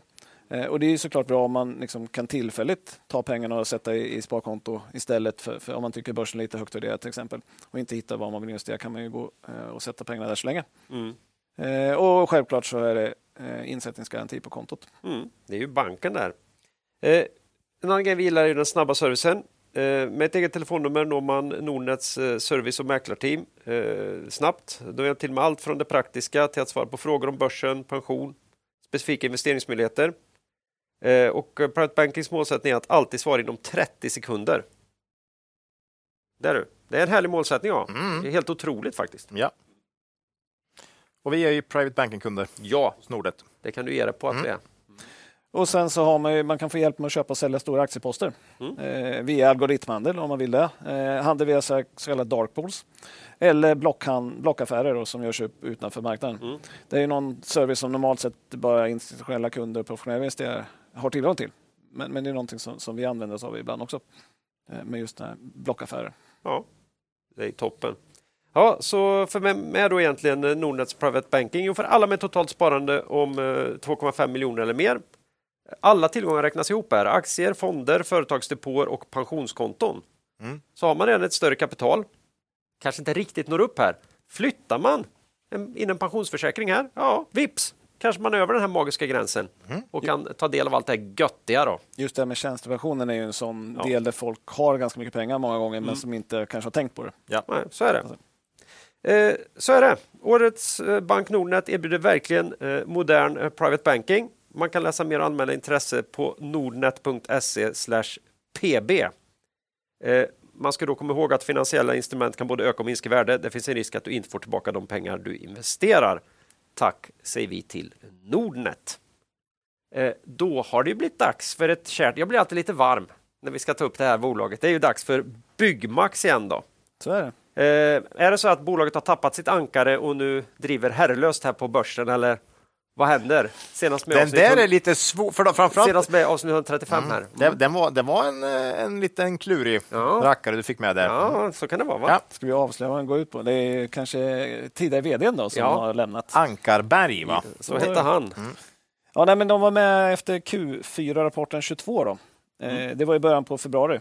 Eh, aktien gick ner 16 procent på en svag rapport. Man drog in utdelningen också. Eh, vi sa då att vi hade sålt eh, en del aktier innan rapporten och de sista efter rapporten. På runt 45 spänn. Vi sa att vi vill se en rapport från sidlinjen för att det ser så dystert ut och den här slopade utdelningen oroade oss en del. Eh, vad har hänt sedan dess då? Kan man undra. Rakt upp. Nej, nej, det har det inte gjort. Okay. Eh, Nej, men i avsnittet, vi sa ju att den här utdelningen var kanske en signal om att det kommer bli lite tufft. Eh, och det var ju tydligt eh, och vi trodde att Q1-rapporten kunde bli lite svag också. Eh, så blev det. Aktien föll 10% på Q1-rapporten. Q2 däremot kom in ungefär vad vi hade gissat på. Aktien stod i princip still. Eh, sen kom Q3 25 oktober. Tyvärr steg tillbaka då. Lite sämre igen. Eh, aktien föll dock inte mer än 4% på rapportdagen. Det var lite intressant tycker jag, för att rapporten var nog egentligen sämre än så. Men eh, det, liksom, det är ju ett spel med förväntningar Mm. Som vi har pratat om så många gånger.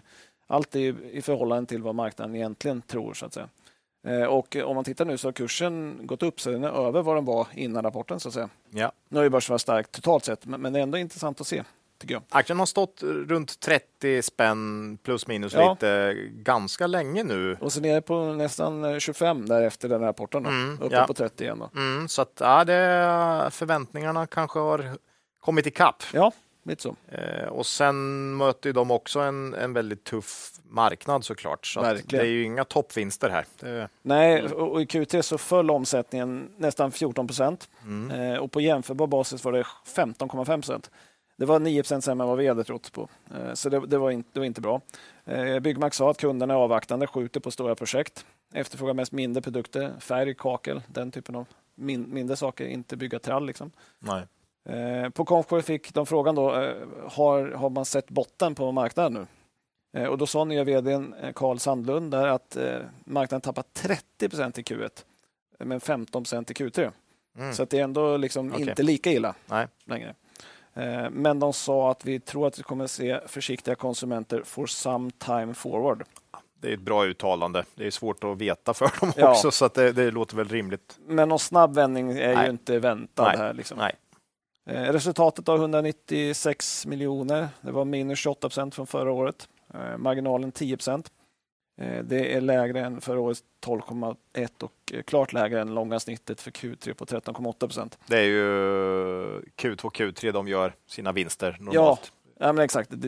De är ju ihop med Skistar det bolaget som har mest utpräglade säsongssvängningar Ja, fast på olika tider av på året. olika då. tider av året. Ja. Så, så, men slå ihop dem där Ja. så, så, skulle man få ett bolag med stabila vinster. tiden. Mhm. Ja, nej, men, skämt åsido, nej, men de, har ju, de, de, de tjänar alla pengar på sommaren. Mm. Eh, Man sa dock att man har sänkt kostnadsnivån väsentligt i Q3 för att anpassa sig till Okej. den nya marknaden. Det där är också intressant om det sen vänder. Exakt så. Var det där du hade tänkt sig? Ja, precis. Ja, jag ja. tänkte, det är samma sak. Ja, men för, för, för det är ju det här med, med, med lågkonjunktur och så. Många bolag blir effektivare. Ja, det kan bli väldigt intressant när marknaden sen vänder upp också. Det behövs för att effektivisera de här lite tuffare tiderna. Det, Ja, man brukar tala om det här omvandlingstryck. Liksom. Ja. Så länge det går bra så, så vidtar du oftast inte de här åtgärderna som ja, det kanske vore bra fast vi har ju så mycket att göra. Ja. Liksom, så att vi precis. kör på. Liksom. Mm. Så att det, det blir väldigt intressant sen när man väl kan få marknaden med sig. Men det är ju some time forward. Då. Vad, vad är det man har sparat på? Är det, ans, är det uppsägningar eller har man...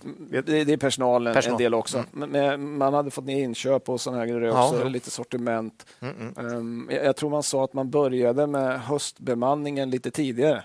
Mm. Man, man måste ju staffa upp när det är så mycket folk på sommaren och sen staffar man ner lite grann när det blir färre som kom på hösten och då börjar man med det lite tidigare. Ja. Det var en sån sak till exempel. Mm, mm. Eh, Men, vi har ju många gånger i podden faktiskt tagit upp Byggmax som vårt främsta pandemiexempel. Mm. Där vi har sagt att nu ska vi följa det här genom pandemin och efter pandemin och se hur går det och vad kan vi lära oss av det här. Liksom. Mm. Nej, men alltså hur... Ja, jag vet inte. Jag fatt... Att det blev bygge som blev... ja, ja. Ja, men det var ju, det var ju sån extrem hås på Ja, toppen. visst, visst, visst. Alla stjärnor stod ju rätt Mm. Eh, och, och det gick ju hur bra som helst. Mm. Och, och det är lite intressant. Vi, vi sa ju på toppen att de här marginalerna är ju inte hållbara. Nej, det sa ju Byggmans själva också. Så. Ja, jo. Nej, de, de höll kvar vid sitt mål där, men, men vi var ju väldigt tydliga med det. Mm. Eh, Men intressant att bolaget sa ju själva att de trodde att de skulle hamna efter pandemin, eh, någonstans mitt emellan pre-pandemin och pandemin. Liksom, omsätt- på omsättningen. på så det skulle ja. vara liksom, marknaden skulle ligga, Mm. eh, ha kvar hälften av uppgången. Ja, ja, ja, ja. Det blev ju inte så. Nej. Det blev väldigt mycket lägre än pre-pandemin så att säga. Lite, det var ju lite det att från den absolut bästa av världar så blev det direkt en lågkonjunktur med ganska jobbigt konsumentläge. Ja. Så de gick ju från en fantastisk till kanske den sämsta här. Ja, Så- så- ja, men det, här, det, Det, som, visste de ju inte då. det som vi har nu, särskilt inom bygg, är ju en Mm. lågkonjunktur men med höga räntor. Jo, precis. Det, det är ju nästan ingen som har Mm. Upplevt det. Och, och, och. Byggmax är ju i de två värsta segmenten ihopbakat. Ja. Bygg och konsument. Det är liksom, det är svårt Det att... är tufft. Ja, Nej, det går inte att trolla med knäna som man brukar nej, säga. Så, det är väldigt svårt. så det, det är ju inte... Man får hota folk att köpa. Nej, men man kan ju säga så här, det- Byggmax har ju... Det är ju, det är ju tufft för dem. Man kan inte ensamma vända det här. Nej. Eh, Liksom om inte får marknaden med sig lite Nej, grann. men någon gång. Någon gång. kommer ju... Eh, Sen är det också intressant det här med, med ledningen, liksom att de hade så pass fel. Mm. Vi har ju varit inne på det. Här. Alltså, ledningarna har inte alltid liksom, spåkulan fram och vet Nej. exakt hur det ska bli i framtiden. Det är liksom. ingen som vet. Nej, men ofta så, så, så, så hör man ju, Mm. vi tar ju också såklart upp vad ledningen säger och så vidare, men, men man ska ju ha det i bakhuvudet att de kan ha väldigt fel de också. Mm. Eh, för, för det är inte lätt det här. Ja. Eh, Och, och det har vi tagit upp som en liten peng, att så fort någon uttalar som tvärsäkert hur det ska bli, då ska man ju vara försiktig. Mm. För det brukar aldrig bli så. Eh, Och vi har också tagit upp det här med kassaflödesanalyser, när man måste ju anta den väldigt många år fram i tiden.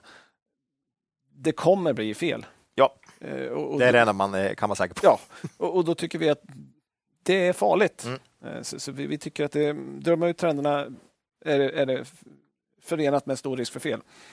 Men, precis som du var inne på, alltså, nu har det liksom, det fortsätter inte upp i himlen, men det kommer ju inte fortsätta ner i avgrunden i all evig tid heller.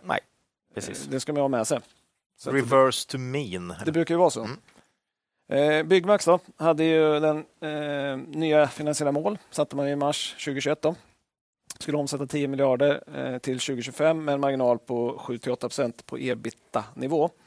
Vi tog upp det här målet under pandemin och sa att eh, det ser ut som att man kommer slå det här omsättningsmålet. För det såg ut så då. Eh, sen har det blivit stora motgångar på marknaden som vi har pratat om. Eh, och när vi var uppe i februari sa vi att det är nog risk att man inte når där. Och nu säger vi nog att det är nästan omöjligt. Mm. Så- Så att eh, man kommer inte nå det. Eh, om man inte gör några stora förvärv. Fast vi tycker inte man ska göra några stora förvärv.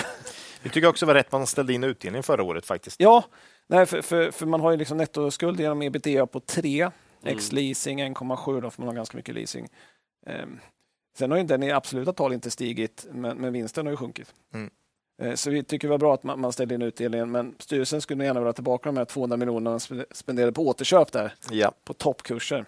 Eh, Det Då, det, det gick så bra så man visste inte vad man skulle göra med pengarna. Det var, var, det som, det var den känslan man fick. Ja, Eh, och man är inte helt ensam om det, men Nej. det är ju det är inget bra. Det. Nej. Ja. Eh, ja, men tittar vi på rullande 12 nu, så vinst per aktie 1,07 med kurs 30, P 28. Mm. Så här har vi ju den här som vi har pratat om lite grann. I lågkonjunktur så brukar liksom många bolag ha höga P-tal. För marknaden ändå säger att det här är ju inte rimligt utan de ska ju tillbaks till något högre här så småningom. Ja. Det är ju, mm. På samma sätt som att på toppen tjänar man 11 kronor per aktie. ja. Och då var man ju lågt för det på den, det skulle man ju vara då också. Men 11 till 1! 11 till 1, Oj, shit alltså. det, det är ja. lite skillnad ja, Det, det är få bolag faktiskt vi har haft uppe i podden tror jag som har den typen av eh, Ja. förändring av vinsten. extremt ju. Från absolut alla stjärnor står rätt till absolut allt står sämst Ja. egentligen kan man säga. Ja, men så är det ju. Eh, och, och, och P blir ju, blir ju högt liksom på grund av Mm. lågkonjunktur på riktigt. Ja. Får vi säga. Men kommer de tillbaka till snittmarginaler ser det ju billigt ut. Ja, det är det som är intressant. Då. Eh, ja, nej, men vi, vi får se. Eh, vi, vi, har ju känt i en del bolag att det kanske inte är bottenkänning just för att man inte har fått så mycket smäll mm. egentligen och värderas lågt på, på en vinst. Eh, men, men här gäller inte för Byggis då, utan nej. här är historisk hög värdering, ja. men i en tuff marknad. Ja. Sen är det viss osäkerhet. De har ju ny vd då, ja. Carl Sandlund. Vi har inte fått någon direkt känsla för honom än. Ehm, men man kan ju säga att han kommer inte till dukat bord. Nej. det kan man inte säga. Det är inte planksteg. Nej, han, Nej. fick ju ganska tufft kan mm. säga, på jobbet. Ehm, och nu har ju Byggmax också sina säsongsmässigt tuffaste kvartal som vi var inne på. Ehm, man, man, gjorde ju vinst i Q4 både 2020 och 2021. Det kommer man inte göra eh, 23. Det har man inte gjort några andra år förutom Nej, pandemi. det var ju bara under ja. pandemin. Liksom. Ja. och sen har man vinterkvartalet som alltid är eh, förlust. Mm. Ehm, vi, vi, har gissat på 2,40 nästa år. Det är P 12,5. Det är lite återgång, men det här kan lika gärna bli något helt annat. Mm. Nej, svårt. Vi har ingen aning. Nej, oerhört svårt. Men man måste gissa på någonting. Eh, vi får se. Men lite intressant är ju den här reaktionen på Q3-rapporten ja. som var sämre än vad vi trodde och kursen gick ner 4% bara. Mm. Det är inte så mycket. Nej. Så, så, på något sätt så ska man ha med sig, liksom, även när det ser riktigt mörkt ut, att ja, någonstans börjar marknaden prisa in att det faktiskt ser ut så och det kan bli en bättre framtid igen. Så att säga.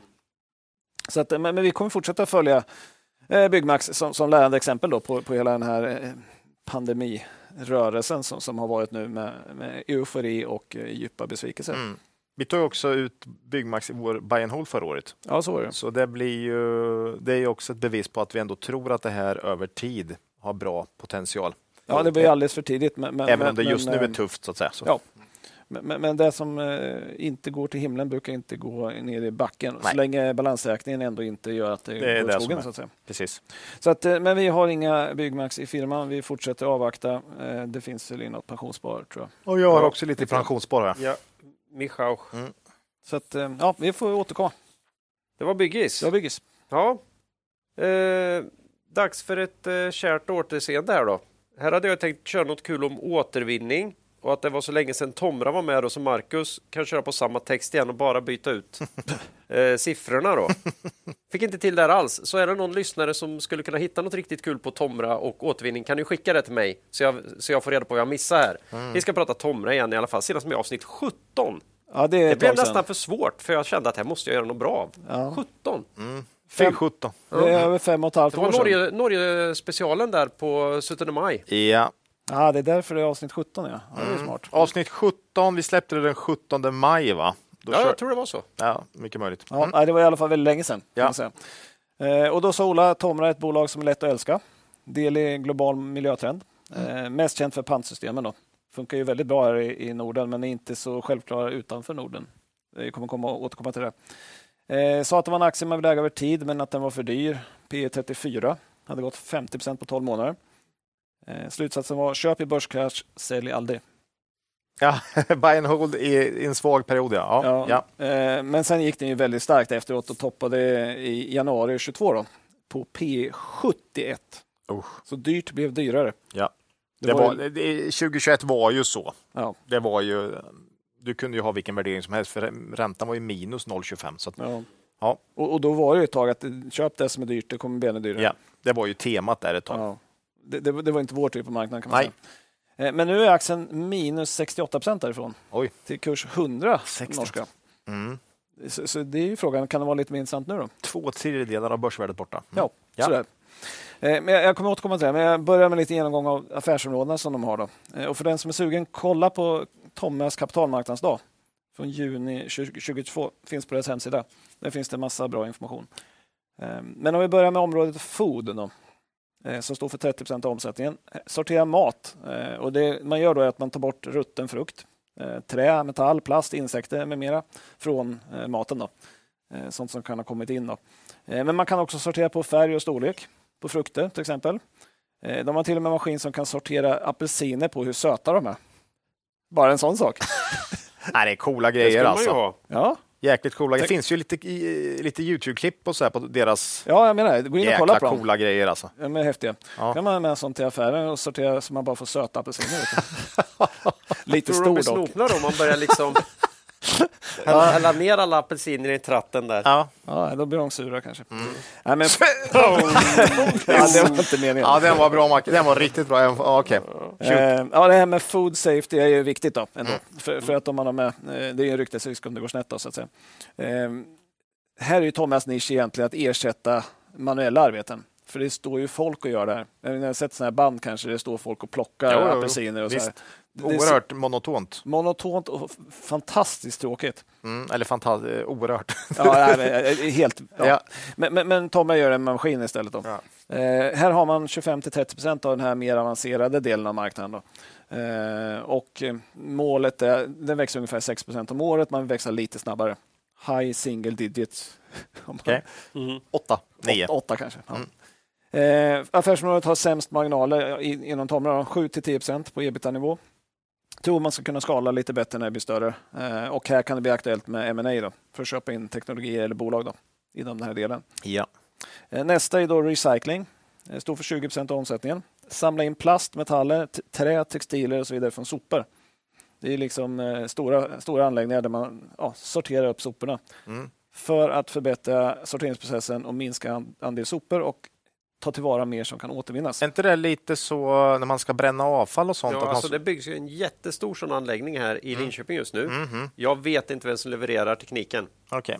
Jag, jag har ingen aning. Jag vet bara att det är ett jätteprojekt som är igång. här. Det är ganska sannolikt att det är Tomra för de har 55 cents marknadsandel. Okej. 50 Då är procent det, säger vi att det är lite drygt 50 procent att det är. Ja, samtidigt så är vi i Sverige och det är ett norskt bolag så jag skulle Ah. nog säga att det är lite högre till och med. Ja. Ja. Ja, vi får se. Men, men i alla fall, här gynnas man ju av att eh, ett ökat fokus bland företag och konsumenter på återvinning helt enkelt. ja. Eh, Men man gynnas ju även av lagstiftningen. Kul att ta ett bolag som gynnas av lagstiftning. Helt Vi pratar. Dedicare och Betsson och, och, så, Academedia bara. och Akademiet. Ja, men ja, det är roligt. äntligen något som ligger åt rätt håll. Så att Mm. säga. Ja, men Inwido har jag haft med. Där vi ändå Ja. haft lite sådana. Det är lite så. Ja. Ja. Så det finns ju sådana. Men, men det är ju ganska trevligt att, Ja, att ha lagstiftningen i ryggen. Ja. För EU har publicerat flertal miljömål då, rörande återvinning och det kommer komma fler framåt också. Och förhoppningsvis kommer den andra delar av världen lite i kapp miljöarbetstänket inom, inom EU också. Så att säga. Mm. Eh, Men man har som sagt 55 procents marknadsandel. Eh, Adresserbara marknaden växer 10-12 procent om året. Eh, Tom, jag tror man kan växa lite till från det. Marginalen är också högre, man legat på ungefär 20 procent ebitda-marginal inom den här delen. Eh, Man har en liten del av affärsområdet, 10 procent, där man sorterar malm i gruvor. Också lite coolt. Coola grejer. Shit alltså. Så att, Och eh, allt kom... Ja, nej, fortsätt. Ja. Och, ja, jag tror du skulle säga att allt kommer från egentligen det här Collection, Ja. s- som är den stora delen. Ja, 50 procent varje. 50 procent ja. av omsättningen. Och det är här området, området som man förknippar med Tomra. Det är Mm. där man ser som konsument mest. Eh, Pantmaskinen. Pantmaskiner. Ja. Insamling av flaskor och burkar för återvinning. Mm. Och här har man 70 procents marknadsandel. Mm. Det är riktigt högt. Ja. Och jag kan inte säga att jag någonsin sett en pantmaskin Det har som inte... Har du sett Det har jag. Ja. Ja. Var står den? Den står hemma hos oss faktiskt. Inte hemma i Har vårt även- Men vi har eh, i vårt lilla samhälle har vi faktiskt en annan. Jaha. Mm. Ja, fy fasen. Ja, Ja. Det är ovanligt. Mm. Eh, för- Det är ovanligt, ja. Och den, och den funkar bra. Nej, inte som Tom. Jag vet inte. Nej, men eh, det- Tomra har väl också de här ny, roliga nu när man bara kan hälla i allting De är bra. i en... en, En tratt, i, eller? Som i en jädra Eh, tombola. Stort, stort hål, bara häller i allting. allting. Pet, petburk, allt Ja, möjligt. allting. Ja, kanske okej. inte glas. Nej, Jag tror okej. inte de vill ha glas där. Men sen sorterar den själv. Liksom. Okej, ja, det är ju snyggt. brr, brr, brr. Och så spottar den ut grejer ibland och så blir den förbannad för man kastar i dem igen. Och så. Ja, men det funkar svinbra faktiskt. Jag har också testat den. Nej, men de har alltså i 60 länder 80 000 maskiner installerade. Så det är ganska många. Och service och... Och service på det här liksom. Och så byter man ut om de går sönder och så får Ja. man fler. Ja. Eh, vet ni hur många förpackningar man tog in 2022? I, vi- 20, via de här. Totalt. Totalt. Det har de säkert koll på. Allt för Ja, statistik. de har ju koll, råkoll på det. Hur många sa du det var? Åtta? Man har 80 000 maskiner. Ja, det är svårt att räkna ut. Oj, nej, kör du. Ja. Ja, men vad blir det då? nu, Vad blir det? Nu, så här, eh, så här försvars, försvarspolitiker här, eh, 80 miljarders miljoners miljoner. Nej, men jag säger att det är 8 miljarder förpackningar. Ja, det, det är inte så tokigt. Det är 44 miljarder, men, men du var in the Ja, det, det, var, det var rätt sto- storleksordning typ. Ja. Ja. Ja. 44 miljarder eh, förpackningar. 44 miljarder förpackningar. Ja, och vet du vad det dystra är? Nej, Det är bara 3 procent av alla som säljs per år. shit alltså. Ja. Nu blir jag ledsen. Ja, eh, alltså när man tittar på det här och deras bilder och sånt där, man blir ledsen på riktigt för det är många som hamnar i havet, det är många som hamnar i, liksom, i skogen och liksom så man samlar in 44 miljarder stycken, men det är bara 3 procent av dem som säljs. Ja, på de marknaderna de är. Nej, 3 procent. globalt, Ja, det här är globalt. Ja, Ja, alltså, Mm. Men ändå, det måste ju gå att göra mycket mer i världen. Alltså. och, och, och det är det här som är intressant, för det här blir en jättepotential eh, för Tomra på Mm. lång sikt. Ja. Och största delen är även här lagstiftning. För att det, det krävs att det kommer igång sådana här eh, pantsystem helt enkelt. Mm. Man, man har i en del länder också såna här frivilliga åter, återvinning. Men då är man, ligger man mycket lägre. Man hade ett exempel på Litauen. Där Mm. hade man en återvinningsgrad på 34 procent. Och sen införde man eh, 10 eurocent i pant.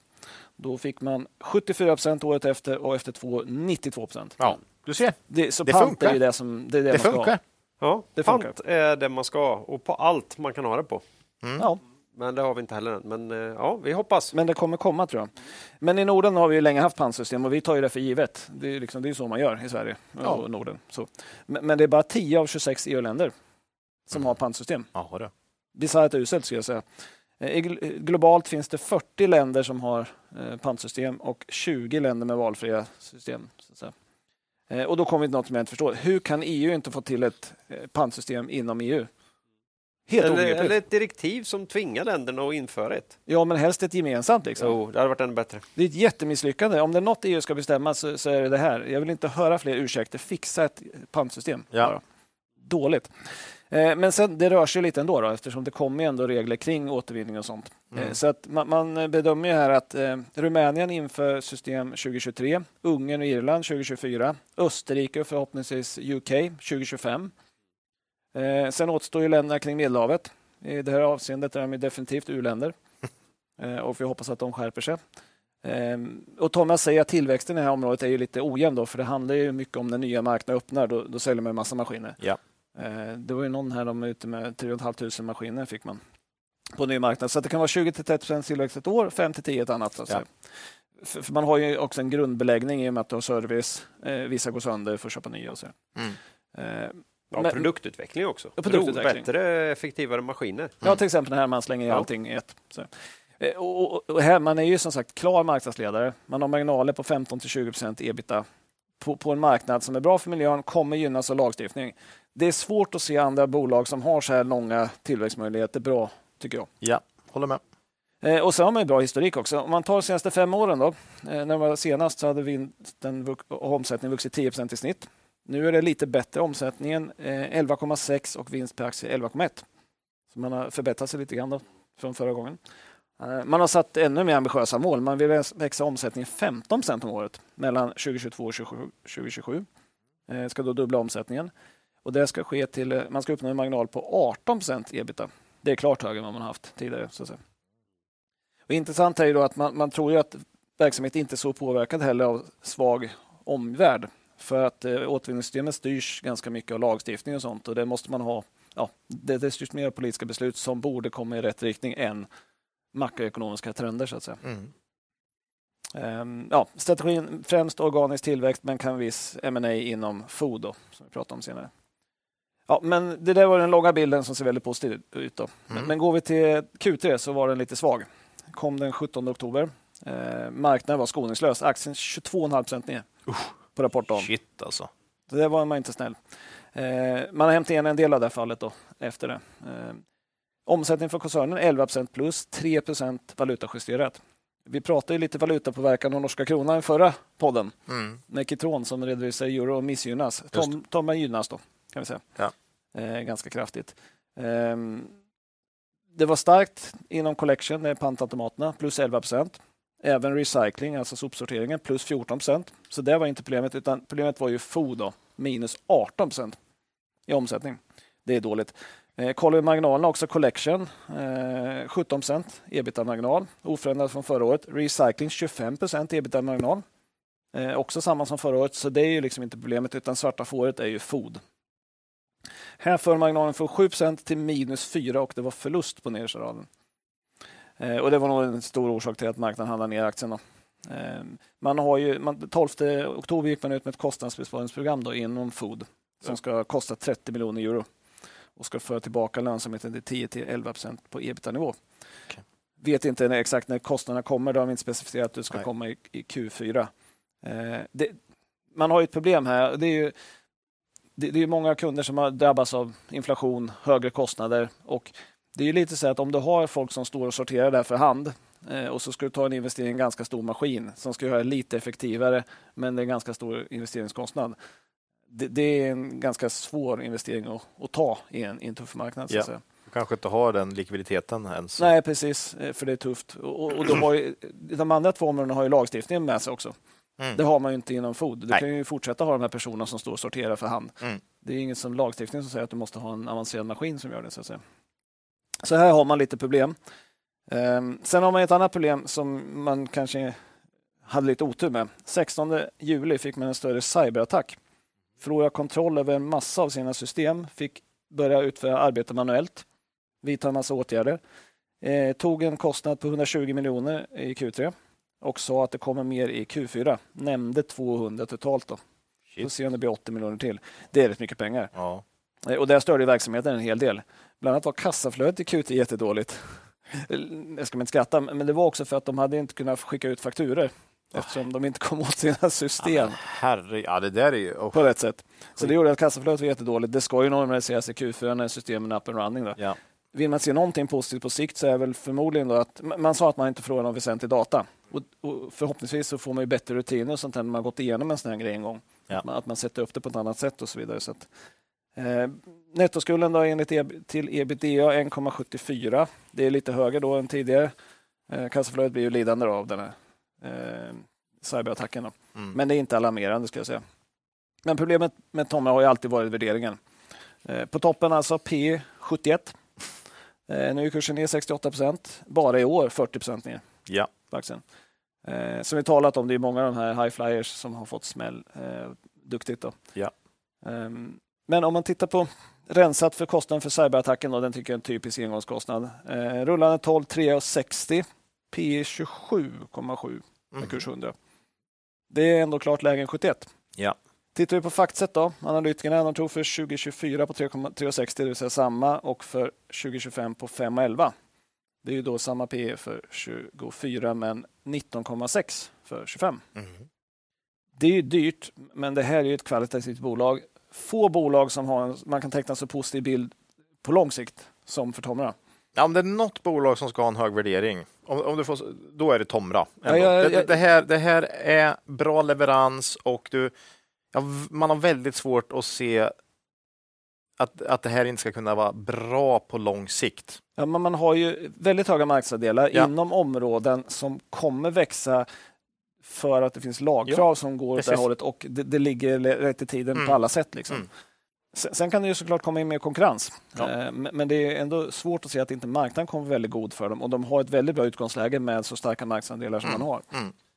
Eh, och varumärken och, och hela den här biten. Ja. Eh, sen har man ju då drabbats inom problem då, inom den minst, minst intressanta delen food. Alltså om man tittar på siffrorna där, det var oförändrade marginaler och de växte 11 och 14 procent inom de här pantautomaterna och sopsorteringen. Mm. Så det är ju food som har problem och Ja. food är den absolut minst intressanta delen. Det. Jag, jag tror jag nästan man skulle gynnas om man sålde bort den delen. Så kunde man koncentrera sig på de andra delarna istället. Eh, Men man vidtar ju åtgärder, kostnadsbesparingsprogram och sådär, så att det kan bli bättre.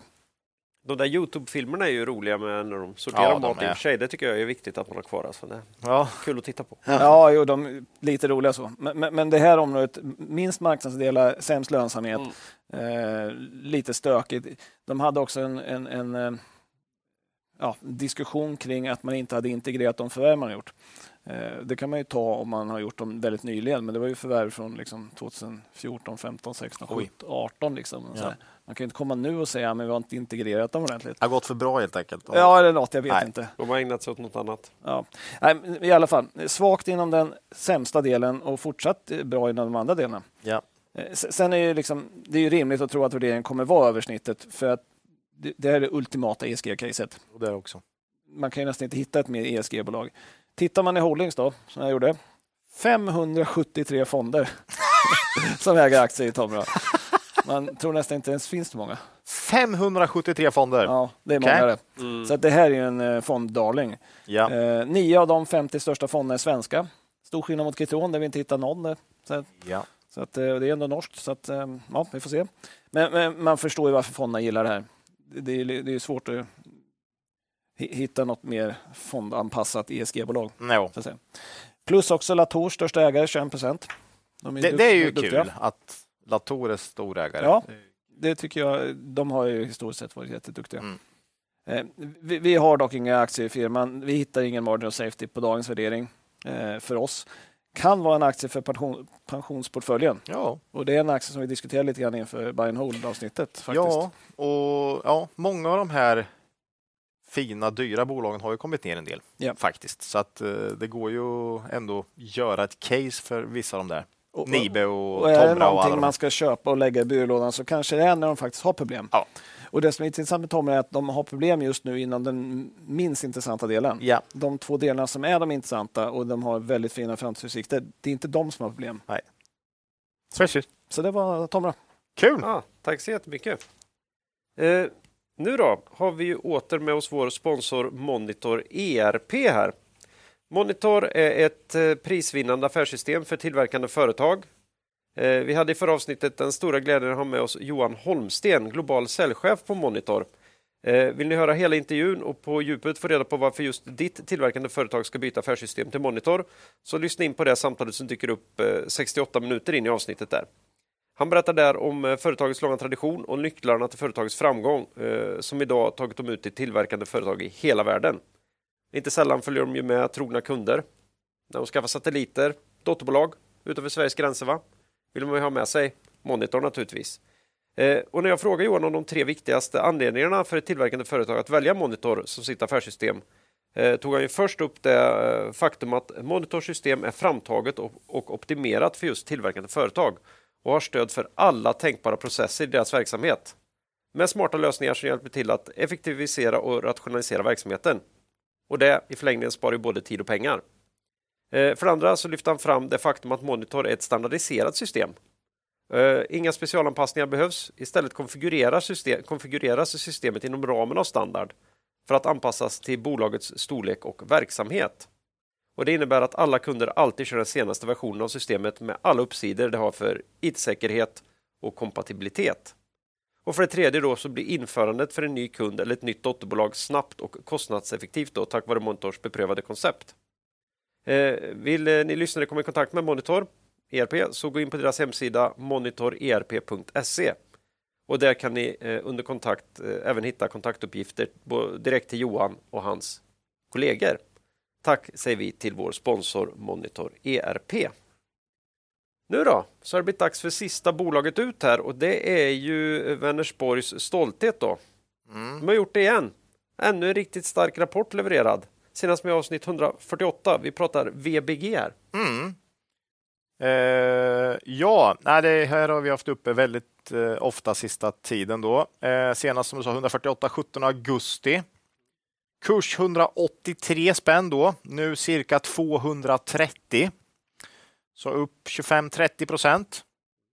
Sen på de tre månaderna i år 66 procent upp faktiskt. Det är en av våra bästa aktier. Ja, det är nog vår är bästa, bästa aktie i år faktiskt mm. av de vi äger. Och det här är tack vare fortsatt väldigt bra leverans eh, från bolaget. Ju. Eh, Q3-rapporten här kan inte heller, den måste bara beskrivas som ytterligare en väldigt stark rapport.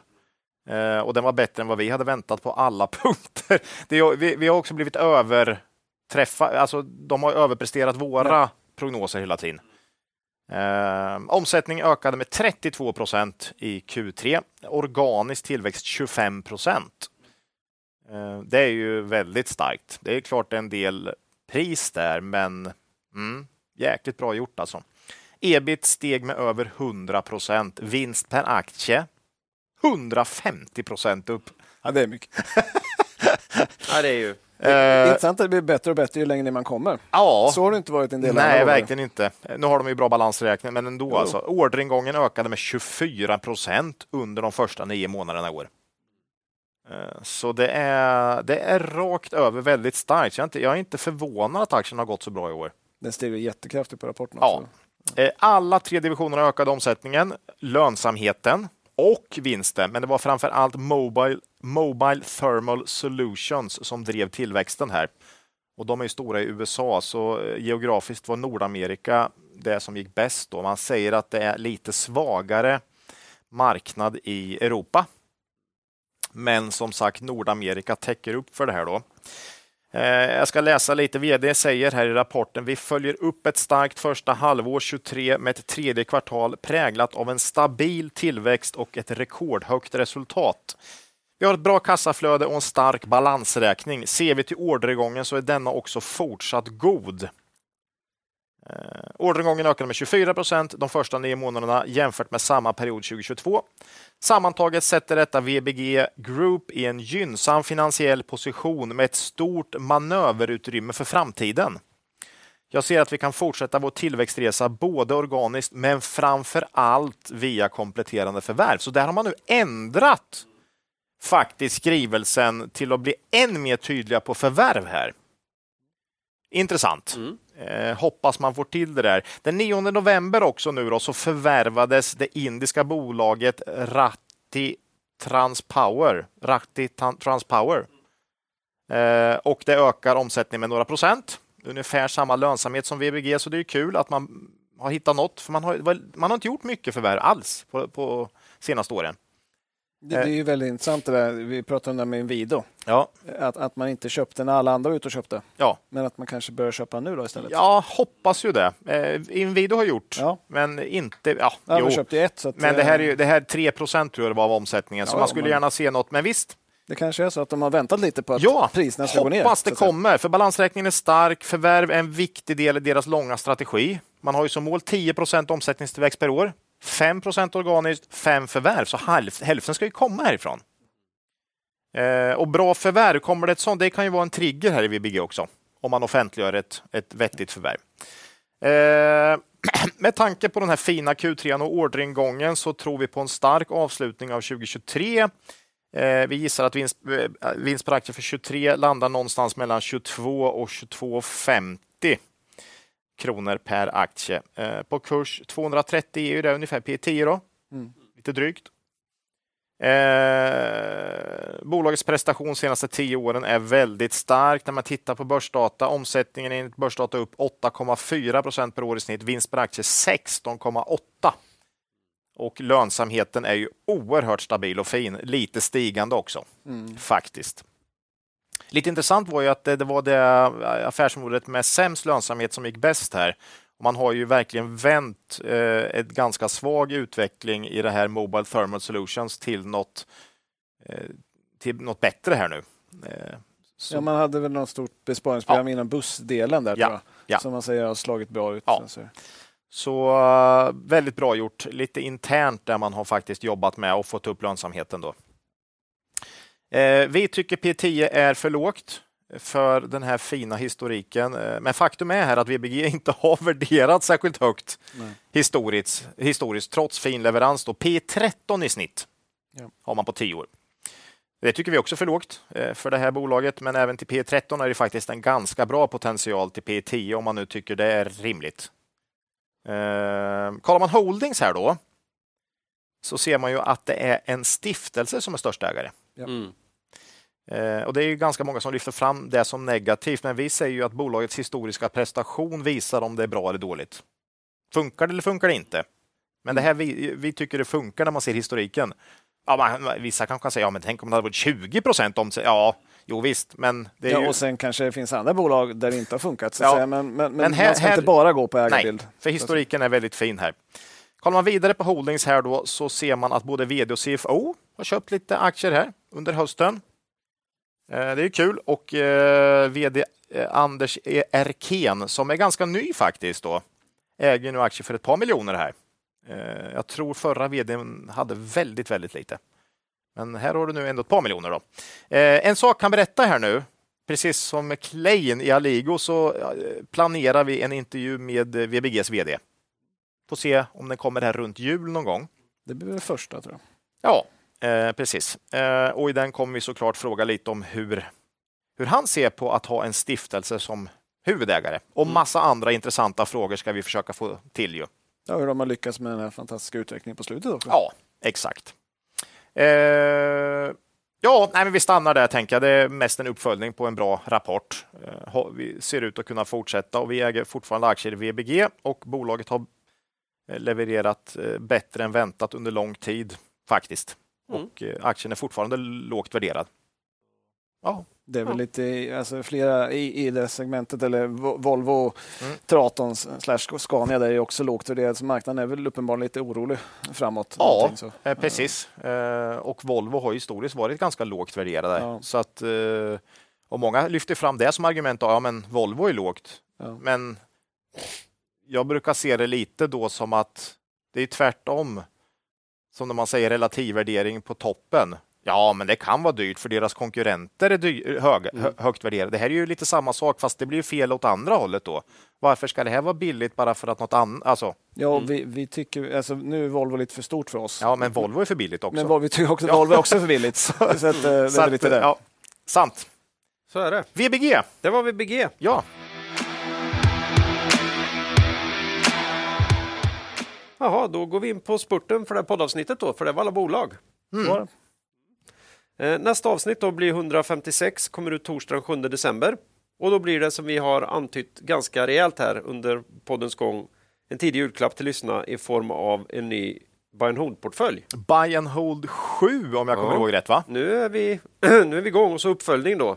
Mm, De det blir, ju, det blir ju tunga veckor för dig fram här nu. Oxveckorna va? Det blir mer och mer uppföljning för varje år också. Ja, Jag de hoppas inte att du har några julbord och sånt inplanerat, för Nej. det kommer du inte hinna Det med. hinner jag inte med. Nej. Eh, hur som helst då, vill man stötta mig i det här kan man skicka ett mejl då på kontakt kvalitetsaktiepodden.se med lite uppmuntrande ord. Ja. Man kan- eller stöd Klas i Ja, subject-fältet. Hashtag eh, support. Ja, eh, man kan kommentera på X eller på vår hemsida kvalitetsaktiepodden.se. Då är frågan om vi har någon riktig makro eller TA värt att ta upp idag. Nej, ingenting idag. Nej, inte något. Du då? Jag har ju Jaha. en liten grej här. En reflektion här. Vi har ju den här, i den här podden, och då inte minst jag, personligen haft en viss aversion mot kosttillskott Mm. och de här alternativmedicinbolagen på börsen. Mm. Och en favorit är ju bland annat ett, ett, ett, så här blåbär i tablettform mot dålig syn. Eh, Och det kommer från bolaget som gillar att lyfta fram franska barksniffare i sina rapporter. Eh, men verkligheten kommer ju alltid ikapp ändå. Nu råkar det vara så här att det en dag blev en burk med kosttillskott över i mitt hem. Mhm. Det har ju ordinerats av läkare eh, till de yngre medlemmarna i familjen. Och eh, då var det här en variant som var, enligt uppgift var helt omöjlig att få i sig då. Eh, Enligt en av de här i målgruppen. Eh, stod där på bordet. Texten eh, på burken, den är, vet du vad den är? Nej. Det står helt enkelt kosttillskott tonåring. Okej. Det var ju orimligt lockande. Eh, så jag har därför sedan två veckor intagit det här preparatet morgon och kväll Okej. enligt anvisningen på burken här. Och du känner dig ung som en Tänk tonår... vil- vilken dag som helst nu. Mm. Två veckor är vi inne upp. Ja. Eh, utgången eh, av det här, eh, det vet vi inte riktigt än, men tyvärr, sviterna efter gårdagens paddelmatch, där jag dessutom eh, ihop med min partner fick storstryk då mot er två. Nah, nu, nu Jag vet du inte om, om, om det här har bitit fullt ut än. Mm. Eller så får- är det så. Du får äta mer. Helt Ja, det kan också vara att tonåringar då har stora problem med axlar, armbågar, knän, ländrygg och märkligt nog också ganska rejäl smärta under höger fot precis bakom tårna. För i sådana fall har jag fått en väldigt bra effekt av den här tonårs... Jag tror inte det är man vill Eh, ha tabletten. faktiskt av tabletten. Nej. Aha, nej. Eh, det var faktiskt så att eh, trots att jag gjorde mitt bästa igår så, så frågade min träningsklocka om jag ville registrera den här lätta motionspasset jag hade gjort. Som träning. Ja, jag ska kasta den äken alltså. Ja. Ja, så är det. Nästa match, då räknar jag med att det här har kickat in och då kommer ni få, se dyngstryk. på annat. Ja. Kan jag säga. Ja, experimentet fortsätter. Jag har väl eh, mer än halva burken kvar där. Riktigt Spännande. spännande. Spännande. Ja, spännande. Ja, eget ägande då? Ja, lite Borg och lite G5 och VBG. Tror jag. Och Aligo. Och Aligo. Ja, Mm. det var de fyra. Tror jag. Det var dem. Eh, Byggis privat, ja. Ja, Byggis privat har jag med. Ja, Mm. Eh, då säger vi, vill vi också berätta att vi helt på eget bevåg Eh, stöttar Läkare utan gränser. Organisationen startade 1971 av läkare och journalister som ansåg att det behövdes en oberoende hjälporganisation som talade ut om övergrepp och missförhållanden och satte människor före politik. Idag arbetar Läkare utan gränser i över 70 länder runt om i världen med allt från medicinsk katastrofhjälp, vilket tyvärr har varit väldigt aktuellt på senare tid. Men man jobbar till exempel också med att stärka barnhälsan i utvecklingsländer. Läs eh, mer på läkareutangränser.se och gå in och stötta dem i deras superviktiga arbete. Gör det. Mm. Kan ju också ge det som julgåva. Ja. Mm. Mm. Eh, är det så att man skulle kunna vara, men ännu inte är Private Banking-kund hos Nordnet? Kolla till det. Mm. Eh, skickar med en liten länk här va? i avsnittsbeskrivningen. Eh, vi vill också påminna om den fina möjligheten som finns att månadsspara i Cavaliers fonder. Eh, Cavalier Quality Focus och Cavalier Investmentbolagsfond. Det kan man enkelt göra bland via Nordnet och Avanza och då även i sitt pensionsspar om man har det där. Då ska man också komma ihåg att historisk avkastning i fonder inte behöver vara en indikator på framtida avkastning och att ni kan förlora delar av ert satsade kapital då fonder både kan gå upp och ner i värde. Ja, med det här vill vi tacka alla lyssnare eh, för ännu lyssnat på ännu ett avsnitt och ber er komma ihåg att Det är först när tidvattnet drar sig tillbaka så ni får se vem som badat naken. Lose money for the firm and I will be understanding. Lose a shred of reputation for the firm and I will be ruthless. I welcome your questions.